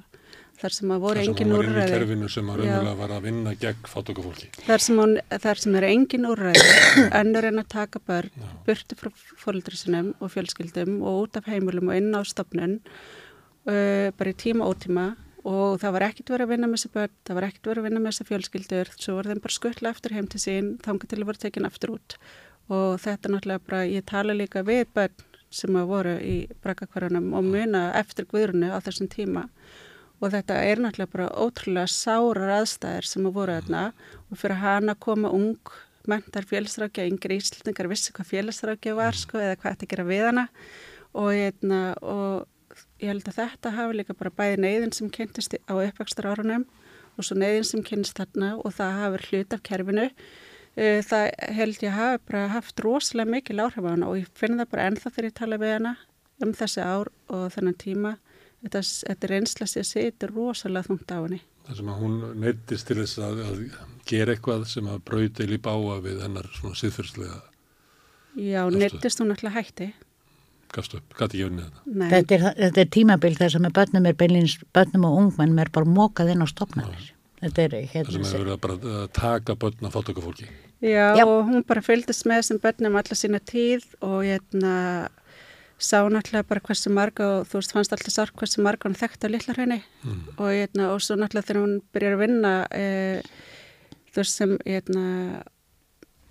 hvernar aðgjafi fyrst í gegnum hvernar aðgjafinu og svo setna í gegnum stígamót þá mætur hann sem konum og sem bönnum aftur sko og þá fyrst aftur hann sáði hvaða var sem hún remurlega gekk á henni á þessum heimilum og þarf að horfast auðvið það og það var mjög sárt sko þannig að ég hérna Er þetta þekkt hjá félagsrákjöfum að vera að vinna inn í kerfi sem að kannski er ekki í já. takt við það sem að hugssjónin sem að þú varst með þegar þú kost að læra þetta? Já, já, hérna, það er, ég þekki það vel og, og það eru margir sem, það eru margir sem þekka það og, og hérna, en það er einhvern veginn vandina með kerfi að það er svo erfitt að breyta þeim, það, það tekur alltaf tíma. Mm. Þannig að Jésús mun alveg það er alltaf svo ofsalega kallæg og ofsalega svona lítilsverðandi viðhorf skakart þessum konum sem að voru í svona mikill neyð á þessum tíma. Og það var svo var farið svo illa með þær sko. en ég er ég, bara vil langar segja ég held að við erum sko langt í land. Já. með það þó ég sé hægt að vinna. Og hérna en, en ég vann hjá barnavendar Reykjavíkur eða vann hjá, hjá félagsmálstofn Reykjavíkur borga lengi. Að, og ég held, ég held við eigum langt í land. Ég, ég held við eigum svo langt í land vegna þess að, að hérna að við erum ennþá með uh, þessir gamlu ford, þessir gamlu fordómar þeir eru svo rótgrónir og, og hérna og þeir eru bara ennþá -hmm. sko bara víða undirliggjandi. Þannig fordómar og fyrirlýtinga hvort þáttökufólki og bergalísufólki. Já. En svo náttúrulega, hérna, ég held að allt þetta og þessi reynsla hafi gert það verkum og svo þegar hún fer að beita sér fyrir hugsunum sínum þá gefur hún engan afslátt, mm. bara hverkið sjálfur sér neðurum. Og ég held að það, af því, af því það var akkur þetta með, með forreitinu feminism, af því að, að, að Guðrún hérna hún hafði ekki trú á því að breyta heiminum í gegnum uh, borgarstjórn eða gegnum alþingi heldur, heldur með reyfingu meðan, meðan fjöldans. Mm. þannig að þess vegna ef að Guðrún vildi breyta einhver þá bara sko hóaði hann alltaf saman konum.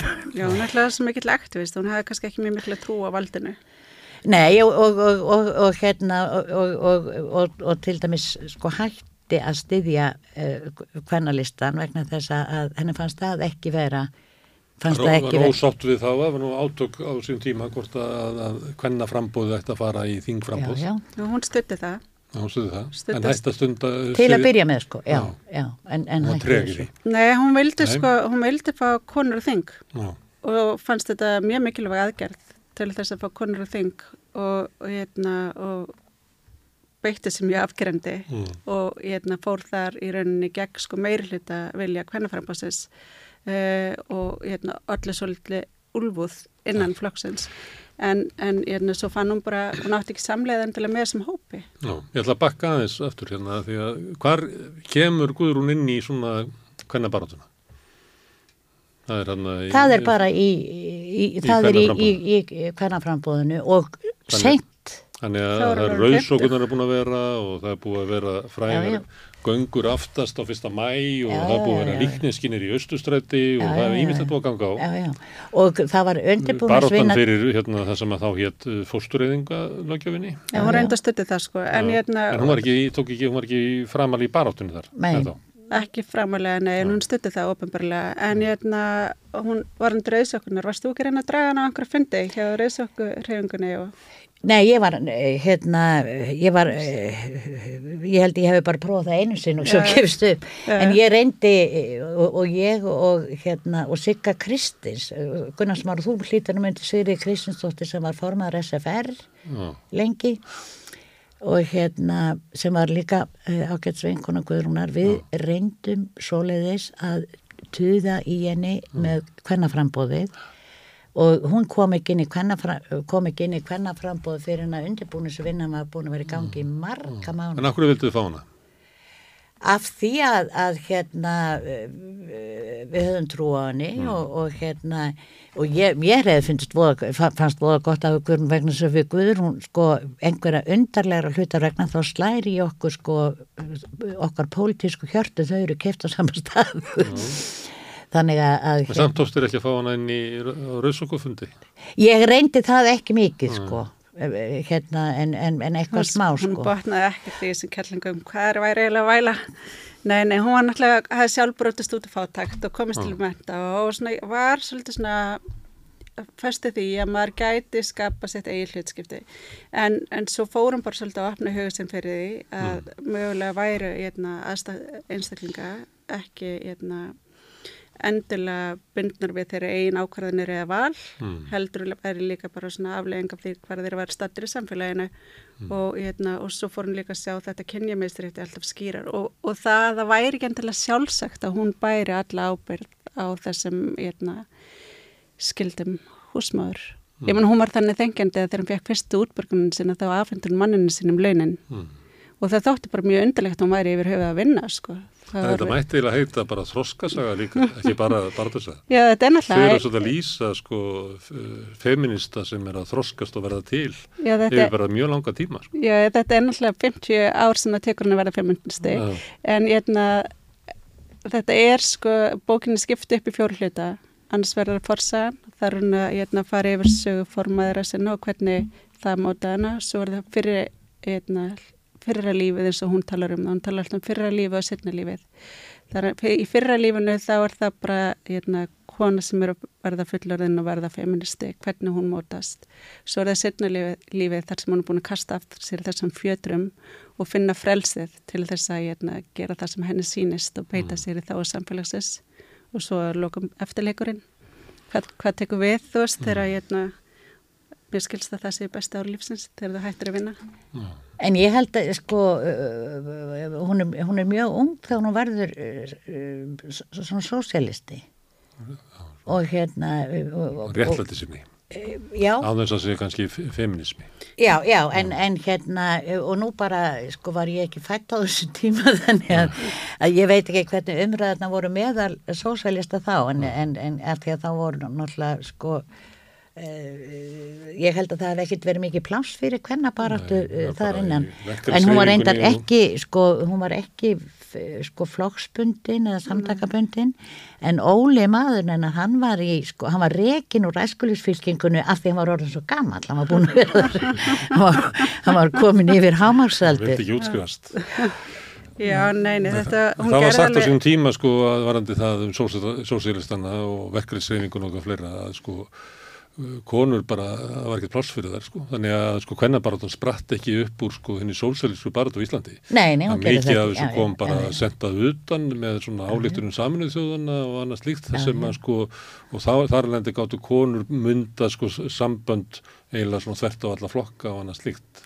Þannig að sko saga eh, verkalýsreifingar og sósælíska verkalýsreifingar eh, svona á eftirsýsárunum og langt fram eftir er ekki hérna saga kannabartunar Já, nei, nei, nei, nei það er hún það ekki. það er svona einstakakkellingar sem fengu, að, fengu aðeins að eh, blómstra. Það var frekar sko fyrstu árum svo þeirra kommunistandi voru. Já, það voru hérna, mjög áberðandi konur þar í, í, í baratunni Það var svo mikið jafnristi sko En hún gerði náttúrulega tilröðinu bara sem krakki sko, til þess að rýsa upp gegn þessum hérna, staðlýmyndum kynjana sko, en hérna, náði ekki árangri. Þú veist þannig að, já. já. En síðan fer hún í, í frambáðs og er borgarfulltrúi. Já. Getur við sagt eitthvað hvað væri, hver er hennar arfleith þar sem borgarfulltrúi? Náttúrulega málefni sem hvernaframbáð voru að setja dagskrá á sín tíma er náttúrulega bara mörg hver hérna, þú veist, það er mörg hver nýstaruleg í dag og hérna, algjörlega í takt við þú veist, uh, samtíman og það sem við erum að hérna, glima við og svo hitt sem að er bara svona grunnurinn að því sem að samfélagi sem við þekkjum sem er bara eins og að hafa sko leikskóla og hérna skólakerfi sem virkar fyrir útöfinandi mæður, uh, meta framlega hvenna til jafs á við karla uh, og hérna ofbildsmálinn alltaf setti hún og dagskröði félagsmálar á því þú veist var að hérna, komið orðrömmur um sko nöðgunar á hallarsplaninu hún var að reyna að beita sér þar bæði til þess að fá þessi mál rannsökuð og ekki bara rannsökuð þú veist það heldur líka bara að það er því hérna, breyðst við mm. það ráðast í einhverja aðgerri til að spyrna við þessu ábyldi þannig að þú veist það er rosalega margt sem að þær voru að setja dagskröði hvernaframbóðinu sem að hérna, annars verður breytt í samfélaginu til batnaðar fyrir okkur sem eftirkomum og hins vegar náði ekki fram að ganga og við erum enna fast við í dag. Mm. Vel að merkja, sko, þegar hvernanframbóð fyrir stað þá eru, þá eru ekki, þá eru leik, þá eru, þá reyndar hétta leikskólar og dagheimli, leikskólar mm. voru halvandagin og dagheimli, þá voru ekki, þá var ekki daggesla í bóði fyrir fólk í hjónabandi. Mm. Þannig að því að konun átti að sjá um já, en, en það var hálfa gott fyrir það að vera sko, fá að vera fjóru tíma leikskóla mm. með, meðan að mamma færi kannski lagningu eða eitthvað, ég veit ekki hver var hugmyndafræðil.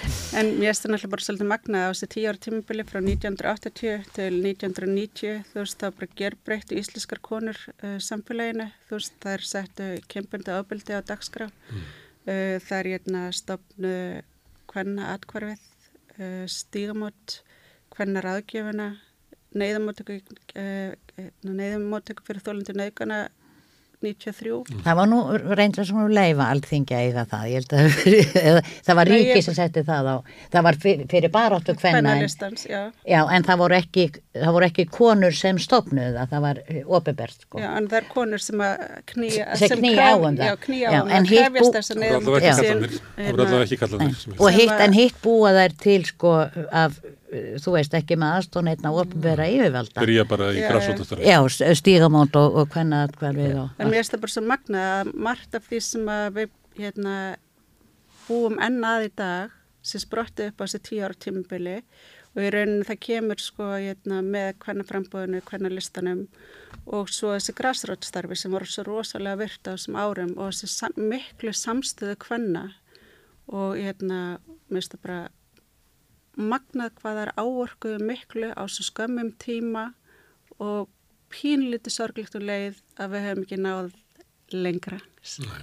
En stundu fæ ég hérna konur af mörgum kynsluðum og þá er verið að tala um svona hvernig þróuninn og hvernig aðbartun hefur verið og þá heyrir maður hjá eldri konum að, að kannski á 8. áratunum að þá var eiginlega kynbyttu ofbeldi eiginlega ekki að það sko. Það er bara fyrir senkt þegar það kemur að, og það er eiginlega mesti munurinn í, í, í baróttunni kannski. Nú vorum við með kvennaverkvall og ef við ferum aftur í kvennafrítaginn 74 þá er líklega mest munurinn er áherslan á, á kynbundu ofbeldi sem að var ekki Það var alltaf bara algjör þögn. Það var alltaf bara var algjör þögn yfir tí og, og hérna það var bæði þögn yfir nögunum og, og hérna eða allavega talsverður þegjanda háttur mm. og það var algjör þögn yfir kemfyrslu ábeldi kakvart börnum og sifjarspellum mm. vegna þess að það, það, var, það var svo vondumröðarni það var bara um að gera það eða hel mm. þó að það væri út um, út um allt að þá hérna að þá vissi umhverfið af perrónum mm. og varaði börnin sín við þeim mm. hringin kringum landið mm. en samt ætluðum við sko ekki að fara að horfast í augu við það að það væri verið að beita börn kynferðslu ofbeldi. Það er ekki talið það að veri hlutverk hins formlega valds að, að gera eitthvað í því. Ég hef stundu sagt frá því hérna að ég var pikkala á sögu og þá var hann Karl Vignir var yfir maður pikkala og þá var sagt við mig hérna eh, ekki fara með hann í lyftu. Einn. Já, einmitt. Þetta var já, já.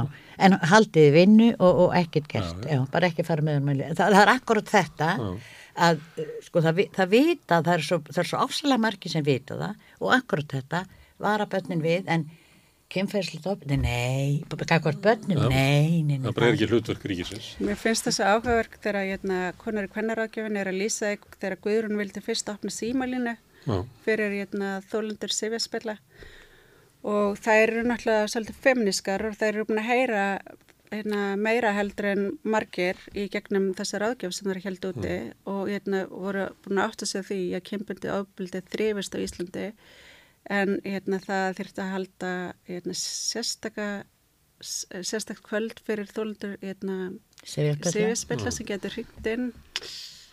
Það er kannski ekki svo mikið guðrún og svo voru þær kvistlast á sína millu hún er nú svo öfgafull, þetta er nú alltaf svo mikið sko. en hún náðu síni gegn það var haldin hérna, svona kvöld þar sem að hérna, fólk að hrygt inn og sagt frá reynslisina sefjarspillum og það var svo mikið ála línuna að það er óttuðust að hún myndi bresta mm. þannig að hún hafði alveg rétt fyrir sér mm. og hérna, og mér finnst þessum Ég held að hún sjálf hafi verið einna mest hissa á hvað margir hingur vegna þess að, að, að, að það voru svo ofbóslega Mér finnst það áhrifaríkt þegar það er að segja frá þessu að því þetta eru framsýnar og femniskar konur sem að vita öðrum fremur af tilvist kynbundis óbeldis sem eru svona hekandi og vantrúa á að þetta sé svona mikið og alvarlegt vandamál í íslensku samfélagi. Og hvað þá sko getur ímyndaði mótökunar sem hann fekk mm. utan þessa hóps mm. þar sem hann var bara álitin verið að ráðast að sko hortsteini samfélagsins Ásaka bara alla kalla og fjölskyldan. Já, og, og, og feður. Fe, já og fjölskyldan sko hortstein samfélagsins var í húfi. En er þetta hennar mest afreg? Að rjúa þegnunum kemfyrirsábildi Sko ég náttúrulega held að það sé eitthvað sem að verður, já, ég held að það sé eitthvað sem að verður hérna, alltaf eitthvað sem við munum halda lofti bara um ákomna tíð. Það var hérna, hún sem var í líkil hlutverki við stafnum stígamóta sem sem er það skjól sem að þólendur hafa haft núna síðustu ára tíu og, og það að hafa tekið þess að hérna, slægi lagt sjálf að segja veði oft reynd að skjóta hana niður bara með mörg, mörgum mismundi aðferðum alltaf staði við hlið brotaþóla ég held að það sé eitt af hennar mikilvægastu framlegi í, til samfélagsins sko. mm. auðvitað liggur mjög margt eftir hennar mjög víða og það er erfitt að segja hérna kannski En þarna er bylting, þarna er, þarna er bylting. Og þá skiptir máli einstaklingur að því að sagan vellur eitthvað áfram og svo eru einstaklingandir, þú varst svona aðeins að tala um það hvað er mikilvægi einstaklingana, þarna er hún, það er mikilvægt að hún sé þarna á þessum stað. Já, algjörlega. Hún er prímusmótor í því að þetta verði til, en auðvitað, sko, nú myndi sko, myndi Guðrún, ef hún sæti hér segja, sko ég vil nú undistrika það að það gerir engin eitt einn það er með öðru fólki sem að gera hlutina algjörlega, algjörlega. Þetta, þetta er allt gert í samtakum bara hvenna e, og, og það er það sem hún leggur alltaf smikla áherslu en hún er algjörlega prímus mótor í því. Er, hún, hún er startarinn. Ja. en þetta veld þetta, sko, ég, held, ég held að mér finnst þetta það uh, merkilegast að vegna þess að þetta er þessi þetta er þessi þetta er, þetta er bara hlutanum er algjörlega snúið á kvolf já Þannig að varðandi bæði nöðganir og, og, og, hérna, og sérstaklega kemferðsbólka hvort börnum og sigjarspill. Þannig að Já, þetta er algjör bylting. Ég er bara tala um það í formála sko. Ég er eina af þessum konum sem hefur notið góðs af hennar starfi hérna, og við erum svo margar sem hefum bara beinlinnis fengið skjól vegna þess sem hún lagði upp með og ég er alveg hérna sammála hjörðs eða mjög mikilvægt að það komi fram að auðvitað er hún aldrei einn þetta er hópur hvenna sem eru breytið samfélaginu. Hún er þarna í leikildlítverki og hún kemur inn með ákveðin hugmyndafræði og hugssjón og hún gefur aldrei nefn afslátt sko, þannig að hún er svolítið bara svona bytt mm. áfram sko. Og veður hlutina en, en svo oft bara ég hérna, tekur hún ekkert endilega held að kredit fyrir allt sem hún gerir sko. Nei, Það er einstaklingur ekki til máli og það er eitthvað sagt hérna þú einn getur þetta en þú getur þetta ekki einn. Þannig að það er svona mm. samspil á því einstaklingarnir Það er ekki, og, akkurat svo leiðis það var svolítið vel við hennar en, hérna, en svo náttúrulega líka bara hvernig hún nálgast fólk sem einstaklinga en ekki sem skjólstæðinga. Mm. og mér finnst það líka svo fallið og sér fólk það, já, ég held að það sé líka bara svolítið hérna, hennar hérna, þú veist uh, hennar sko hérna, það sem að enginn er hana eftir eftir brakka áraðinu og allt þetta mm. sko að hún getur ekki hugsa sér að fara í eitthvað valdarhlutverk eða þú veist vera einhvers konar Uh, ráðandi einstaklingur mm. sem tekur, móti, valdsins, já, já, sem tekur móti einstaklingur með vikvæmur stöðu og sittur sér á hann heska hvort þeim. Hún tekur móti þeim sem jafningi. Hún talar við konur sem kona að tala við konu, ekki sem ráðgjafi að tala skjólstæðing.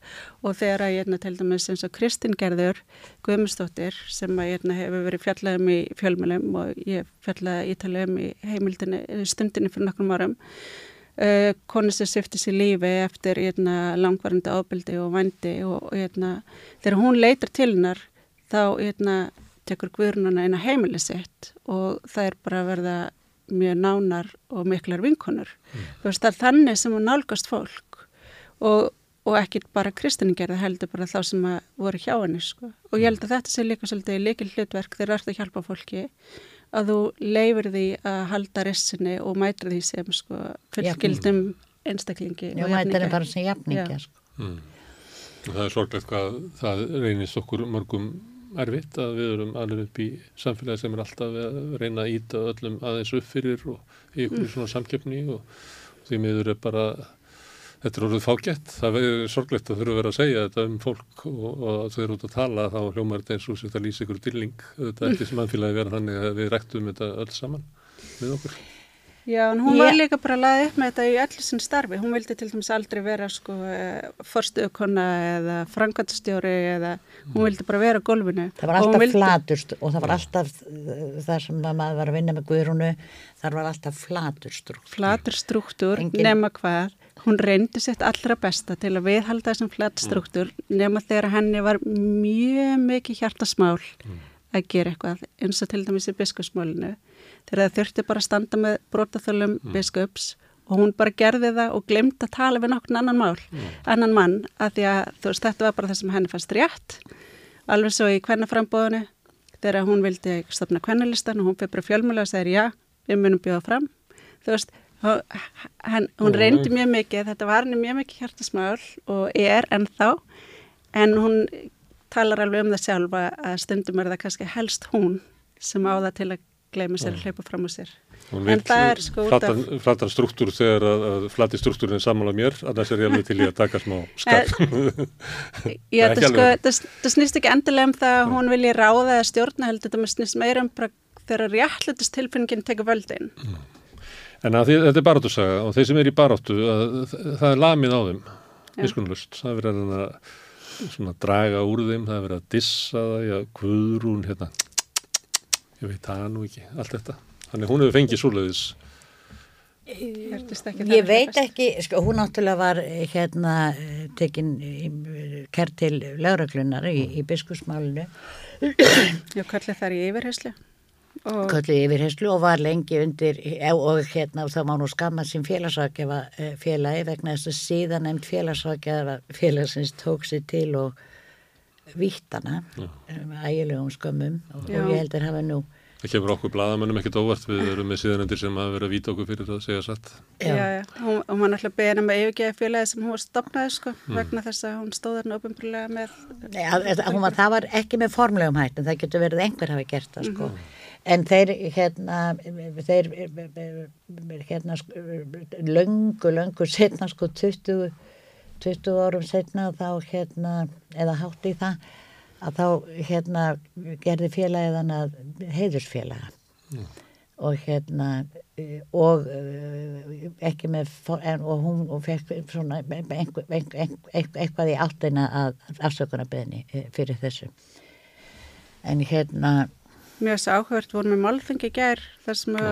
voru hérna svona alls konar vinklateknir á þessa hérna sögu alla mjög þess áhört þar sem þú varst að segja þar um hérna þessa Já, ég myndi, já, ég, ég, sko ég var alveg dottin út, en hérna já, ég, ég veit ekki hvort hún var fyrir uh, miklu uh, áreiti og hérna og á þessum tíma þá já, hérna og allavega hvart án aldrei undan því. En uh, maður heyrði ofsalega ofta einhverja Eh, einhverja hluti. Ég var, eh, ég var oft með þeim hjónum, Guðrún og Óla mm. þau voru, voru góði vini mínir. Og hérna og þegar maður var einhverst þá, og þá hérna þá heyrði maður gerðnan er þetta, já, þetta þessi þetta, já, er, er það hún? Og ég, ég man sérstaklega eftir hérna þá voru fyrir svona bara á kvamstanga mm ég og Guðrún og Óli og held ég einn vinkon þetta eru fyrir 30 árun síðan eða eitthvað svolítið eða meira og hérna og það er sko hópur af köllum e, svona holli sem var að veiða í miðfjörðar á svona mm. hérna og hérna og svo fara þess að kalla nú eitthvað svona að hérna hérna ertu með henni? Að, að nálgast okkur þessar sem voru með þeim? Mm. er, er þú með henni? Mm. já, já, já. Og þeir voru náttúrulega svona svolítið í glas og svona eins og mennir í veiðferðum og, og hérna og, e, og þetta var svo skemmtilt og þeir, svo, svo fóru þeir svona aðeins að, sko, að nálgast hana. Mm. og hérna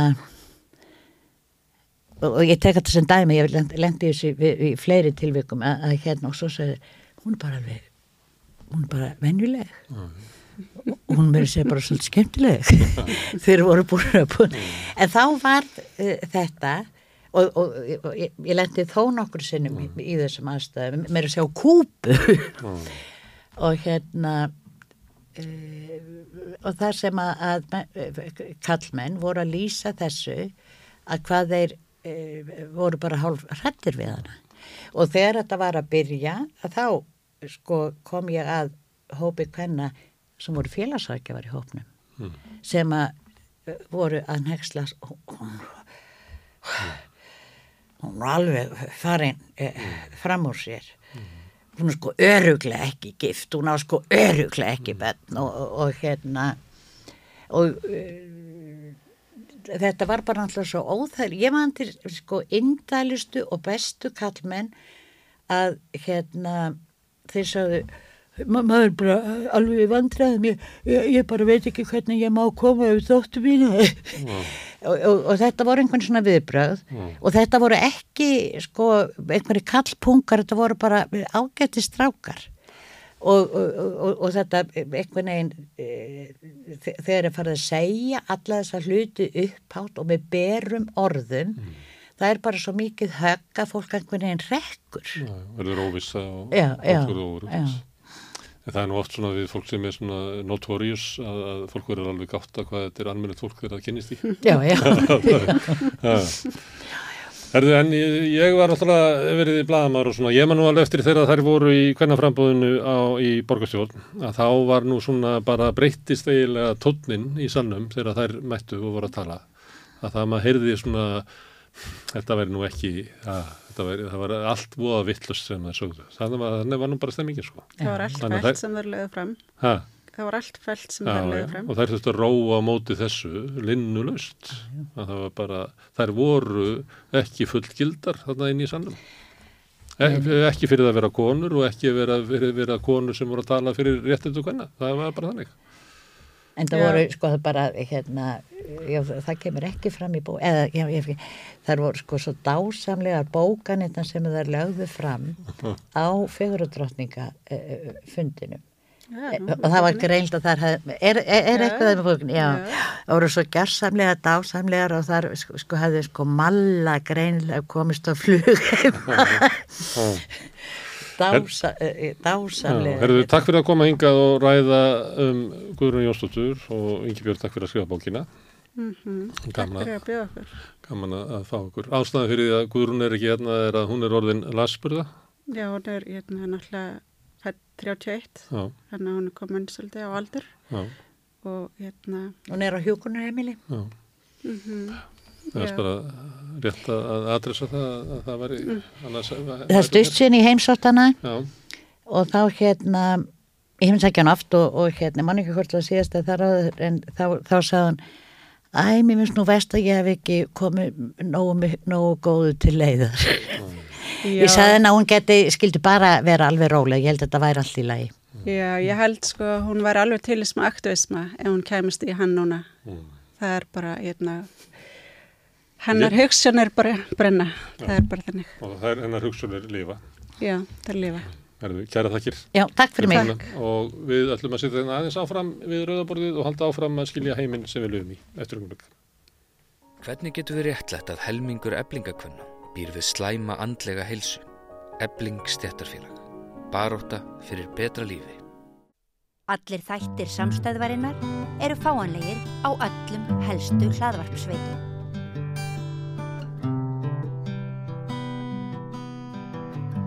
Já, hérna fyrir vikunni þá kom Ólafur Dýrmundsson til minn og við vorum að ræða um söðfjö en og margt annar við vorum svolítið mikið að tala um ja, mat væla ræktun innan borgamarkana og dróst svolítið svona upp saga að, hér hafði verið miklu miklu meira ræktaðu mat, ekki bara í dýrahaldi heldur alls konar maturtargarðar verið hérna en þeir verið svona smátt og smátt að, að, að verið ræktir út úr borgarlandinu en Þetta veri kannski ákvörðat það sem við ættum að draga aftur inn til okkar. Og halda þessari umræði áfram og fengi hinga hana Dóru Svavastóttur sem er formaður slófút á, á Íslandi sem er hluti af alþjóðleiri þeyfingu sem að ja, sumuleiti snýstum að, að taka e, matinn og ræktunum okkur nær okkur og og kannski svolítið í andað sem við Ólaf vorum að tala um að sko maturinn sem við innbyrðum er náttúrulega mesta náttúru tenging okkar sem er. Akkurat, já. og einhver leiti hefur yðnaðurinn og, og kerfi sem er búið við fjarlægt náttúruna úr þessari upplifun okkar Já, það, og þetta er alveg, þetta er alveg risastórar pælingar og bara svona ef ég, að, að því þú kynni mig hérna sem formann Slowfood sem ég er, eh, að þá eru sem Slowfood alþjóðasamtök sem eru svona þrjár megin stóðir í, í starfseminni sem eru að varveisla á lífræðilegum fjölbreytileika og það er mentun og það er að vera málsvörd, það er að vera málsvörd fyrir mat og matur ánefnilega að vera góður, hann á að vera hrepp og hann á að vera sandjarn og það er sangirnin kemur þá bæði fyrir okkur sem að erum að borðan og neitan og það þarf líka að vera greitt sangjart verð til þeirra sem framleiða. Mm.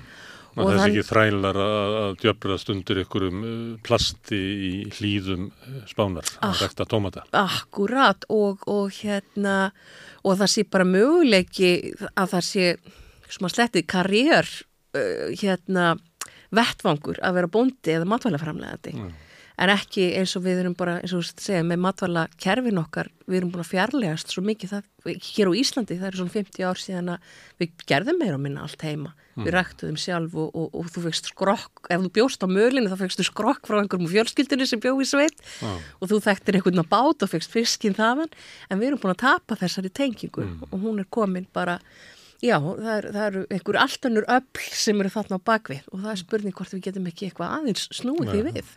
Og að því að við sittum hérna við raukt borð og erum að tala saman að þá er nú ágætt að, að uppasmaður að þessar reyfingu var ítalskur kommunisti. E, Alin ja, sest, tók út sín félagslega og stjórnmálulega þroska inn í kommunistarreyfingunni þar sem er náttúrulega gríðarlega breið og öflug reyfing á Ítalju. Þannig að, að þetta er ekki Þetta er ekki svona uh, setni tíma lífstílsmál, þetta er um raunverulega um, um mikilvægis hvernig svona samfélag ætlum við að byggjað upp, ætlum við að byggjað upp á svona félagslegum grunni þar sem allir fá að njóta sín eða ætlum við að fela samfélagið uh, öflugum stórum verksmiðum. Akkurat, það er ja. alveg klárlega og þú veist, þetta er hvað 38 ára gummul samtök, mm. þannig að þetta, þetta er ekki einhver nýmóðspilkja og það sem við erum að sjá líka þetta verður alltaf samt vega mér og vega mér og vega mér og þetta verður, að vera stærri skref og ég held að þessi reyndar að því matur er hápolítiskur ef við mm. þurfum að passa okkur að reyna að halda hann út fyrir flokkapolítíkina mm. til þess að, að við förum ekki að, að gleima okkur sko mm. eh, en eh, líka svo stór hlut af því sem að Karlo Petrini sem að stopnaði Slow Food vildi meina að eh, við eigum náttúrulega stiðja við það sem er ræktað á hverjum stað og það sem, er, það sem hefur þróast á hverjum stað. Og þarna kemur lífræðilega fjölbreytnin inn í og þetta stóru verkefni slófút og líka er, vendun á bara menning og kultúr. Akkurat, þannig að það er bæði nefnilega einmitt hérna, sko ekki bara yrkin og tegundin og þetta er líka handverkið og hugsunin og við sem ekki að týna því inn í yðnaðaframlistunni og það er mjög áhugaveru það mannfræðingur sem kom hérna frá Bíotars, við vorum með stóra slófúttáttið í oktober og það er fyllt af fyrirlestrum og svolítið skemmtilegt. Og hann tók fyrir bara lífræðilega fjölbreytni í maganum á okkur mm. og hvað þóng skipti miklu máli upp á heilbreyðu okkar mm.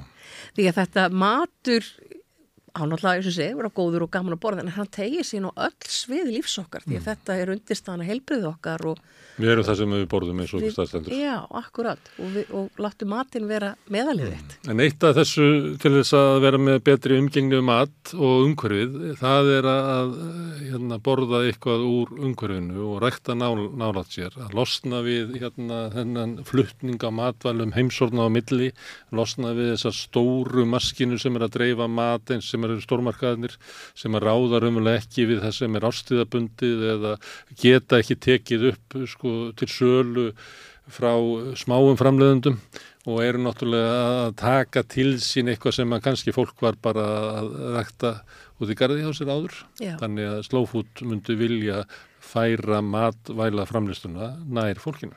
Algjörlega og þetta er eitt af svona grunngildunum og það er að hvetja fólk til þess að reyna að rækta sjálft og það eru margar leiðir til þess, það er hægt að vera með svalargarð, ef þú ert í þjættbílunum það er hægt að vera með svalargarð og, og, og ef við talum ekki um að það ert með hérna smá flöta að það þarf ekki endilega að vera skrautblóma á honni, heldur það geta verið hérna, matjúrtir mm. og það er um að gera. Jettugarðin Jettugarðin Þetta verið slagurðið Já, og við erum til dæmis í, í samfunnuverkefni með hérna, skóræktafélagi í Íslands að reyna að, að taka það saman af því núna eigum við allt í norði nýjar lendur sem eru skóar á Íslandi. Mm. þar vex fullt af matvæli sem við kannski höfum ekki ennþá þekkingu hvernig við hægt er að nýta. Mm þannig að, að, vekja aftur þessa tengingu eins og segir að, að við, við, við mistum hann, höfum mistan hann svolítið við náum aftur að tengja staðins í rætunur okkar mm. og það er líka við vitum það alveg ef þú rættar eitthvað sjálfur og þú veist hvað það fer mikil vinna í því að sá þessu út og mm. reyta arfa og eitthvað svolítið, þá berðu alltaf aðra virðingu fyrir matnum Svo vill að vera betri og þá er ekki bara að meina það stundum er að þannig að sumum finnst alltaf matur sem að, að við komandi eldar alltaf bestur. Mm -hmm. ég, er ekki, ég er ekki að meina það heldur til dæmis ef þú ert með salatbeð út í gardi hjá þér og þá er það að sækja salat bara rétt fyrir matin. Það, það verður ekki mikið ferskar en það. Nei, gæðin eru bara svo miklu, miklu betri heldur en að stórmarkari getur noktið án bóðu upp á. Og, og þú ert alltaf, þú veist 100% hvað fór á þetta salat. Þú veist nákvæmlega uh, hvort það fór einhver eiturefni eða, eða hvað var gert. Ekki kannski Reykjavík, það sem er mikil sögurriksmengun. sögurriksmengun, já, já, en hérna, já, en, en, en þú hefur Þú veist hvað það kemur eins og grænbændunir auðvisa. Já, og, og þetta skiptir gríðilega miklu máli og við séum bara svolítið meðvituð um það og líka, þú veist, svo það fólk er ofta hvart undan því að það sé að fá börn til að borða græmiti og eitthvað svo leys, það er alveg miklu öfaldur að fá þau með sér ef þau eru með í að rækta það. Já. Það er, þá er þetta allt í norðið bara Já. mjög spennandi að taka þátt í því. Já.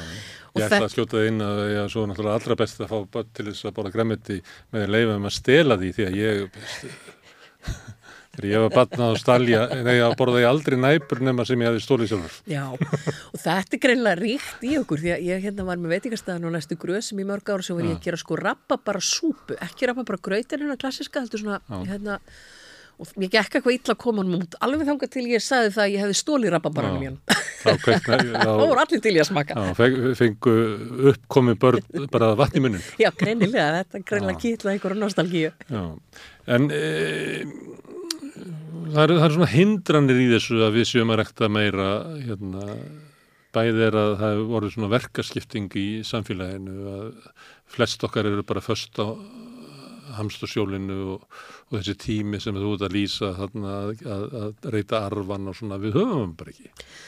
Þannig að, að kannski eftir krafan líka vera það að við höfum bara tíma til þess að til að rekta garðin okkar. Já, já, já, já það var hérna er gríðarlega mikið lífsgæði fólkin í því að geta synt því að, að, að rækta sín einn ein matvæli, það vissulega mm. og svo líka sko og við þurfum líka að vera tilbúin að hugsa svolítið í lausnum og eins og, eins og það hafa ákveðni leikskólar og svolítið verið með nokkrar hænur eða mm. matjúrstakarð og eitthvað svolítið og oft heyri maður hérna hvað á að gera í sumarleifinu hver mm. er tilbúin að að fara með hænuna með sér í frí já, nákvæmlega en, en ég hef hert að skólum þar sem að hefur verið bara búið til það var bara auðlist meðan fóreldrana ok, vika og vika hver er til ég sjáum og fær þá bara ekka launum mm. veist, það, það eru lausnir en við þurfum ofta að vera svolítið uh, duglega og hugsa, út fyrir bóksið og, og það þarf náttúrulega alltaf einhverjur að taka svolítið ábyrðaverkefnum mm. og það er kannski það sem við, við glemum svo oft mm. En þetta er svona það sem að fólk geti verið að rækta sjálft og það eru lóðir hér og þar sem að eru gamlir maturdakarðar. Ég tók dæmi held ég í vitalinu við Nólaðið á, á hús sem var flutt á lóð á hotninu á Bræðraborgastík og Spílarastík það sem hafði aldrei verið hús. Mm -hmm. Það hafði bara alltaf verið sko maturdakarður fyrir fólki sem bjóða á skólaverðuhottinu. Mm -hmm. Þannig að það eru slíkir blettir en núna er náttúrulega byggt á þessu öllu og ég minna ímyndar alla gardana sem að voru í bakgörðum laugavexins sem mm -hmm. er núna búið að tróða sko fjölbílisúsum hvert einasta svæði að það náttúrulega byggingarnar eru að þurka út möguleikan okkar til þess að vera í svona rektum. Já, því miður hefur sko stefna verið svo að ég meina það eru nokkri gardar eða, eða svæði sem að fólk getur lekt og, og svona borgargardar mm.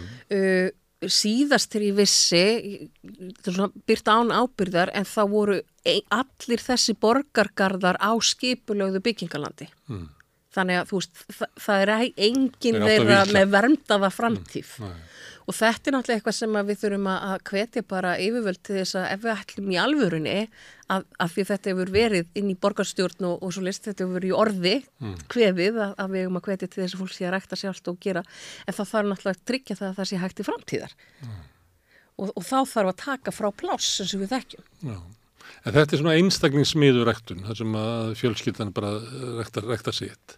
En við sem samfélagi, til dæmis í Reykjavík, við hefum jarðhitta og við gætum raunverulega bara rektað allt hérna. Við getum rektað banana ef við viljum. Já, já, já, ég meina það. Væ, væri það markmið þar sem að borgarífjöld ættu bara að setja í gang hérna Við hefum hittaveituna og við hefum ramarsveituna og við getum haft bara græmitisveituna, þannig að við byggja upp bara öfluga rektun til þess að losna við hennar fluttning á, þótt ekki væri nema bara austan og sveitum, en ég tala ekki um frá sko, hérna, Spáni og Tyrklandi og við flytjum inn hérna kryddjúrstir frá Ísrael. Já, já, akkurat Ísrael og Kenya já.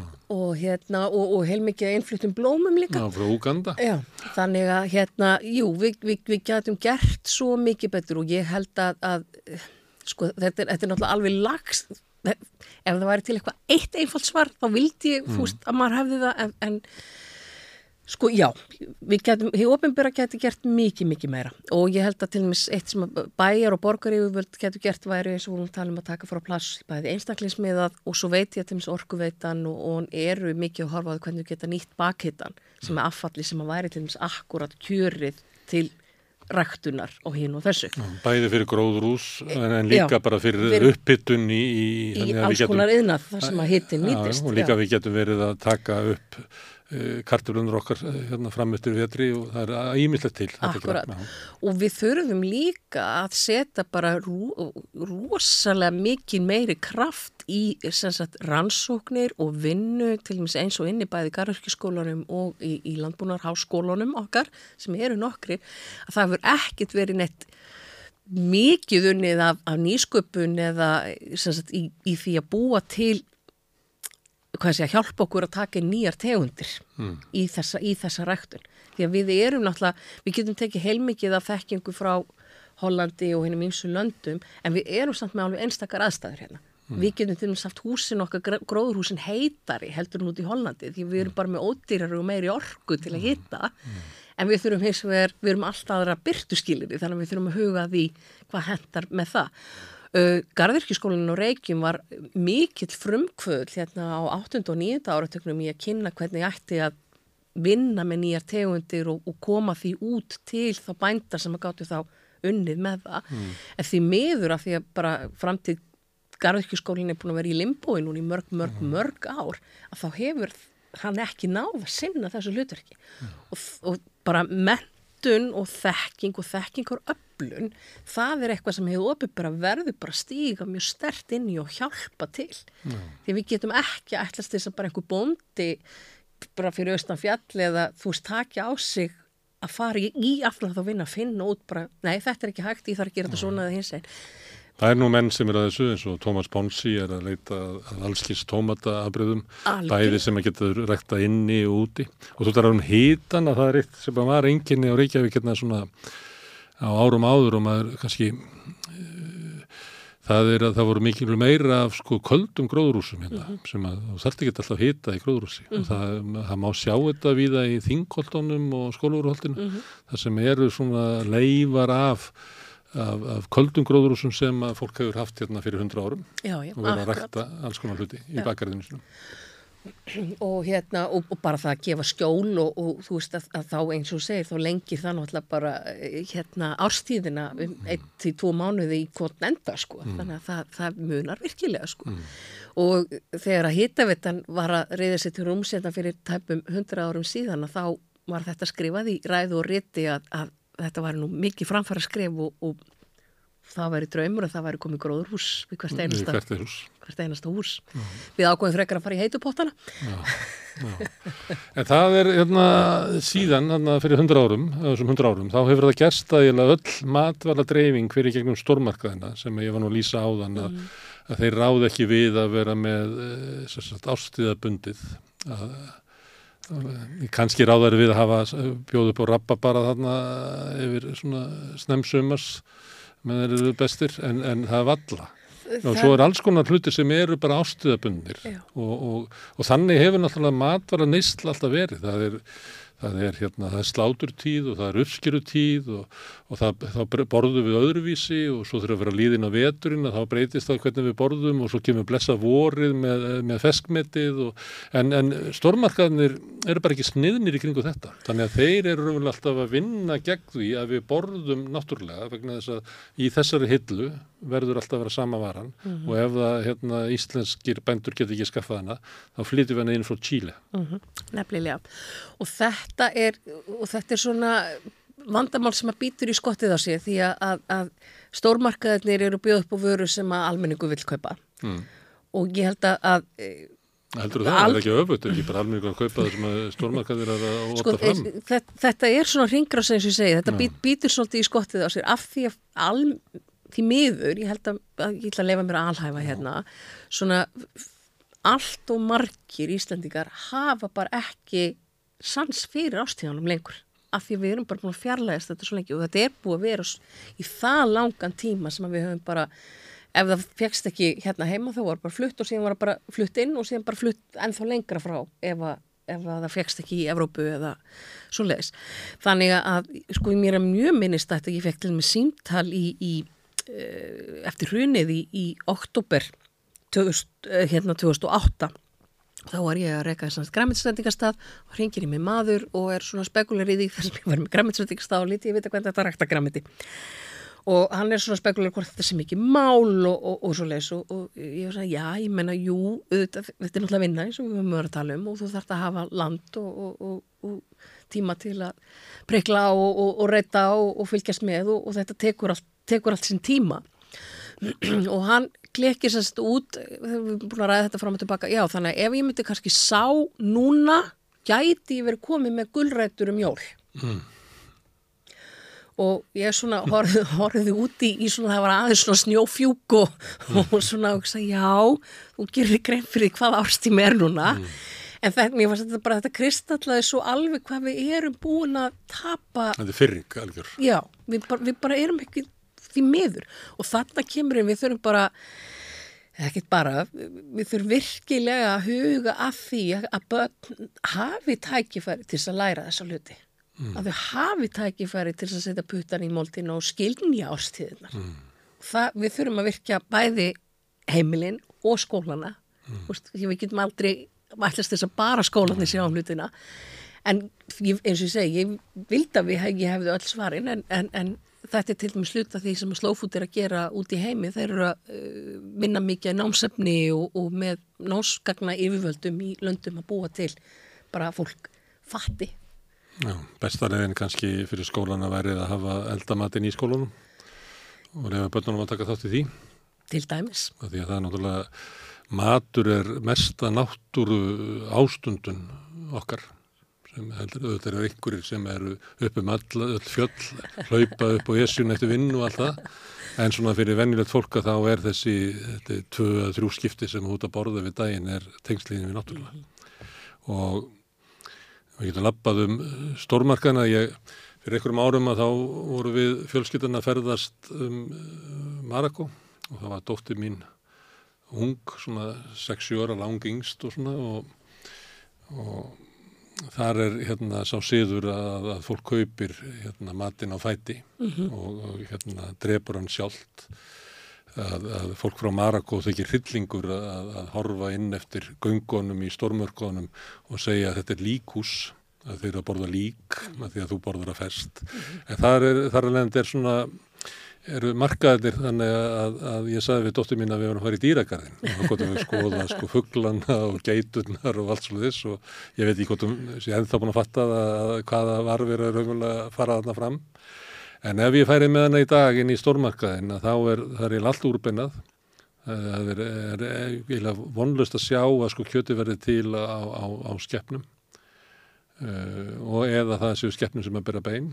Þannig að það er búið að sko, hvað hefur að segja, af náttúruvæða matin okkar ótrúlega sko. Fyrir utan þá er ég að tala síðan allir náttúrulega allir hérna, hillumetrarnir sem er, er um einhver matur sem að, að við höldum kannski sem er í fjölbreytilegi í mm. en eru vel að meira í fábreytilegi í því að þetta er mest búið til úr sömu það er sojamjölið og það er eh, hérna, mægisírópið og það er, þetta er búið til meira og minn úr sama efninu. Já, akkurat og, og, og svona alveg úldra önnu það, það, það er eins og segir, það er alveg það má alveg dæmuð að hvort að það sé orðin einhver tenging við náttúruna þegar þú ert að borða, borða svoleiðismat sem að hérna Ég held að það sé ekki að lappa eins og ég gerði í Marako að lappa með dóttur mína um stórmarkaðin og sínin náttúruna. Nei, það er kannski rétt í græmiðsborðinu en, en, en, en á öðru leiti er því miður, þá, þá erum við eiginlega búin að missa það sko. Og, og náttúrulega umbúða mennskan og, og, og líka bara sko annað sem er, er mér mjög mikið hjartasmál og það er matarsófunin sko mm. Við, sem að fylgir stórmörkunum já. já og bara fylgir þessari hérna um, segja, að, að við erum ekki, berum ekki aðlega virðingu fyrir mat mm. og við, við leifum okkur að ganga mjög illa um mat mm. uh, En þó að þessi sóun á heimilunum að þá er meiri sóun í framlýslunni, í dreifingunni og í sölunni áður en kemur að þegar þú ert með samvinsku bit að henda ykkur sem hefðir átt að borða í fyrra gerð? Í reyndar eru sko allar rannsóknir sem sína því ég er búin að fylgjast mjög já, vel með, með rannsóknum á þessum og það er nýjasta rannsóknir sem kom núna sem er loksist, við erum komið með samanburðar hæfan uh, aðferðafræði þannig að það var að fara í gegnum röslið á allum stöðum uh, 40, sagt, ef þú tekur kökuna matarsóun, 48% af matarsóuninni verður í frumframlegslu uh, og frumframlegsla það byrjar að telja inn um leið og það er sagt, búið að taka gullrótinu upp, mm. þá er ekki talið það sem verður eftir út á akrinum sko. Mm. uh, og 40% verður heima hjá okkur mm. uh, það er ekki nema 4-5% sem að verða í stórmörkuðunum og hérna í dreifingunni? í, í, og helsölunni, já. Dreifingin er, er síðan daldið stór sko. En uh, þetta kemur mér alltaf jafn mikið óvart en samt sem áður þetta er uh, það er svo auðvelt að sjá það hjá stórmörkuðunum af, af því að þetta er svo stór þó, Er þetta íslenska tölur? Þetta er íslenska tölur Þetta er, ný, ég, þetta er nýjasta þetta... Þegar maður kemur í gremmetið í stórmarkanum mm -hmm. og þá horfum maður á rekka rauðum laug mm -hmm. og það er engin þeirra heill Þannig það er engin sóun hjá, hjá stórmarkaði sem að lætur bara ónýta laugin vera frammi þanga til að þú, ég veit ekki hvort þessi verið að vonast þess að þú mhm. neyðist bara til að kaupa mhm. skemdan rauðan laug og allir að skera á honum helmingin til þess að geta notað hinn helmingin. Kanski er þetta sér íslenskt fyrirbriði Svo er annað sem... Að henda ekki mat. Já, svo er líka annað sem er mjög sér íslenskt fyrirbærið og ég hef verið að reyna að ræða við kollega mína í Slófút Erlendis að uh, stórmarkaður, ef það er íslensk framleiðsla til með þessu kjöt, kjötvörurnar og fiskvörurnar mm. sem fara inn í stórmarkaðina, þá er þetta yfirlt allt selt í skannasölu mm. og framleiðandin tekur tilbaka. Já. Þannig að þess vegna er að fara inn í frumframleiðsluna meiri matarsón vegna þess að það er ekki skráð Já, í stórmarkaðunum. Þannig að ef, ef þú ert að selja inn í stórmarkaðum þá berð þú ábyrð á vörunni, þú tekur það tilbaka sem ekki selst Já. og þar lendir skráist sóuninni yfir á frumframlistu. Og þetta skekkir þar að ekki líka samkjöfnisgrundvöld sko að því að stórmarkaðarnir og, og hérna, eigandafélaginu bak við það eru stæðstu innflýtjandunum á matvælum. Mm. Þeir flyti inn og þeir setja það passa upp á að það seljist því að þú getur ekki skila því til framlegðans. Þannig að oft á tíðum... Sér... Það er svona laugurinn skemmtur að því að króna flyttur inn sinn laug og bónus flyttur inn sinn laug. Akkurat. Þannig að... Nei, ég með undraðið að ég hugsa oft til ég stend fyrir framann þetta og velti fyrir mér. Sko, fólk sem getur ekki selgt laug á það að vera í verslun. Ha, er það ekki bara að það skilir því að þú getur allavega selgt laug? Allavega selgt laug, jú, það, ég, maður myndi ætla það. En þetta setur líka, þú veist, þessi skilaréttur og þessi þessi skekkja á aðgengi að markaði veist og af því við sem almenningur höfum eins og segir í gegnum búðirnar það er mm. okkar, okkar snertiflötur. Mm. en þá til dæmis eins og bara á haustin þegar við fáum íslenskt útirækta græmiti að eh, þá er orðið hagsmunir búðana að koma gerða meira ábyrjandi þar sem þau flyti inn. Oft á tíðum þarf maður reynilega að leita af íslenska græmitinu þegar það er í sísón og þetta er náttúrulega er, er, er alveg galið og, og mm. við erum að horfa á það að þeir sem er í útiræktun hér á landi það bara fækkar á hverju ári mm. þeir sem að treysta sér í gurrataræktunina og blómkálið og brókoli mm. og þetta allt saman. Og okkar hérna, búðir er ekki góðar í þessu. Ég man fyrir einhverju ári var ég að ferða svolítið um Noreg, kerði upp eftir í strandinni og þá komaður inn í svona þessar uh, kæðjur þeirra, það er náttúrulega bara eins og hér, það eru bara þrjáru eða fjóru kæðjur sem eru með allt saman en þar var yfirleitt alltaf, sko fyrstur kemur inn, er stilt upp sérstaklega sko vörum úr héræði mm -hmm. þá, er það bara hluti af því að vera með búðir mm -hmm. að, að, að þú getur ekki bara tekið sömu formúlun allstaður, heldur að þú ert á hellu, þá hefur sko fyrsta tíunda hlutan eitthvað sluðis uh, með vörur úr, úr nákvæmlega. Já, akkurat, akkurat. Mm. En við meðum náttúrulega, maður þarf náttúrulega líka svo sem að hrósa því sem er vel gert að það er mjög ánægilegt samstarf á milli til dæmis eins og krónunar og samtaka sem hafa framlegenda matvæla. Það sem eru þessi matarbúr krónunar þau mm. hafa gert þetta sagt, þá í rauninni fás smáframleðendur að halda utanum að senda þar vörur sem eru til og það er mismunand á milli búða mm. og akkurat af því að þetta eru smáframleðendur þá náður ekki að fylla allar búðirnar mm.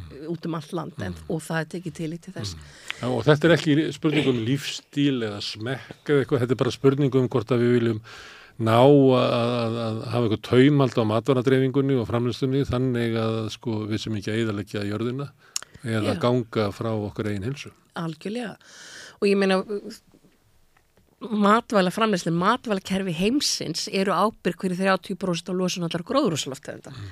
þannig að ef við erum bara, ef við förum í þá áttina ég menna þá bara skilst þið gríðarlega miklu máli hvernig við umgangust matin okkur og hvernig við gerum það mm. og matasónin einu sér, hún er ábyrg fyrir 9% bara vistspori heimsins þannig að, að hvernig við höfum okkur skiptir bara gríðarlega miklu máli í, í hennu daglega lífi mm.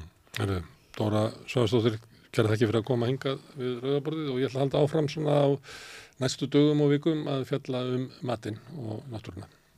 Takk fyrir mig. Þetta eru lokin á Rauðaborðin í kvöld. Ég þakka Dóru og öllum gestur sem hafa komið hingað kærlega fyrir og ykkur sem hafi staldrað við og hlustað. Bend ykkur á að þetta er stefnumót okkar sem búum til efni og gestan okkar og ykkar sem að hlustið og og hvet ykkur til að taka þátt í samstöðinni með því að læka síðunar okkur á Facebook og YouTube og, og dreifa þeim sem víðast þau sem að vilja Já, svo náttúrulega stilla á útvarpið, 89.1, við erum í útvarpinu og við erum á leiðinni í sjónvarp, við erum líklega með einhverja tilrunar útsettingar núna um helgina. Svo erum við líka á hlaðvarsveitum, þannig að við dreifum efnin okkar með margskonar hætti. Því sem að viljið leggja okkur lið, geti gert áskrifendur, það er gert með því að fara inn á samstöðum.is, það er nappur sem ástendur áskriftið, þýtið á hann, þá getið þið skráðu ykkur fyrir áskrift sem er bara 2000 krónur sem að þykir lítið í dag. Þið getið borga meiraðið viljið og því sem að kjósið getur látið áskriftina að renna sem félagsgjöldin í alltíðfélagið og það er einmitt alltíðfélagið sem á og rekur samstöðina. E, þetta er síðasta rauðaborðið í þessari viku. Nema hvað á morgun verður vikuskamtur, þá förum við fréttir vikunar eins og alltaf klukkan 16 en á morgun verður líka með auka þátt, það er hérna Guðni T.H. Jónesson, fórseti Íslands, er að koma í óbyrra heimsókn til samstöðina í tilumna fyrsta des. Við ætlum að tala við hann um fullveldið, bæði ætlum að tala við sagfræðingin Guðna um hvernig ástandið var hérna 1918 en líka við fórseta Guðna um hvaða merkingu fullveldið hefur og hvort að fullveldið þjóni okkur öllum jæft. Fylgjast með því, það verður auka útsetting um hátíðspil af Sónum Egils á morgun í tilumna fyrsta des með Góðan gæst, Guðna T.H. Jónesson, fórsetan. En ég þakka kella fyrir í kvöld og segi bara góða nótt. Hvernig getur við réttlegt að sívaksandi hópur eblingarfólks festist á legumarkaði? Ebling stettarfélag. Segðu það á samstöðinni.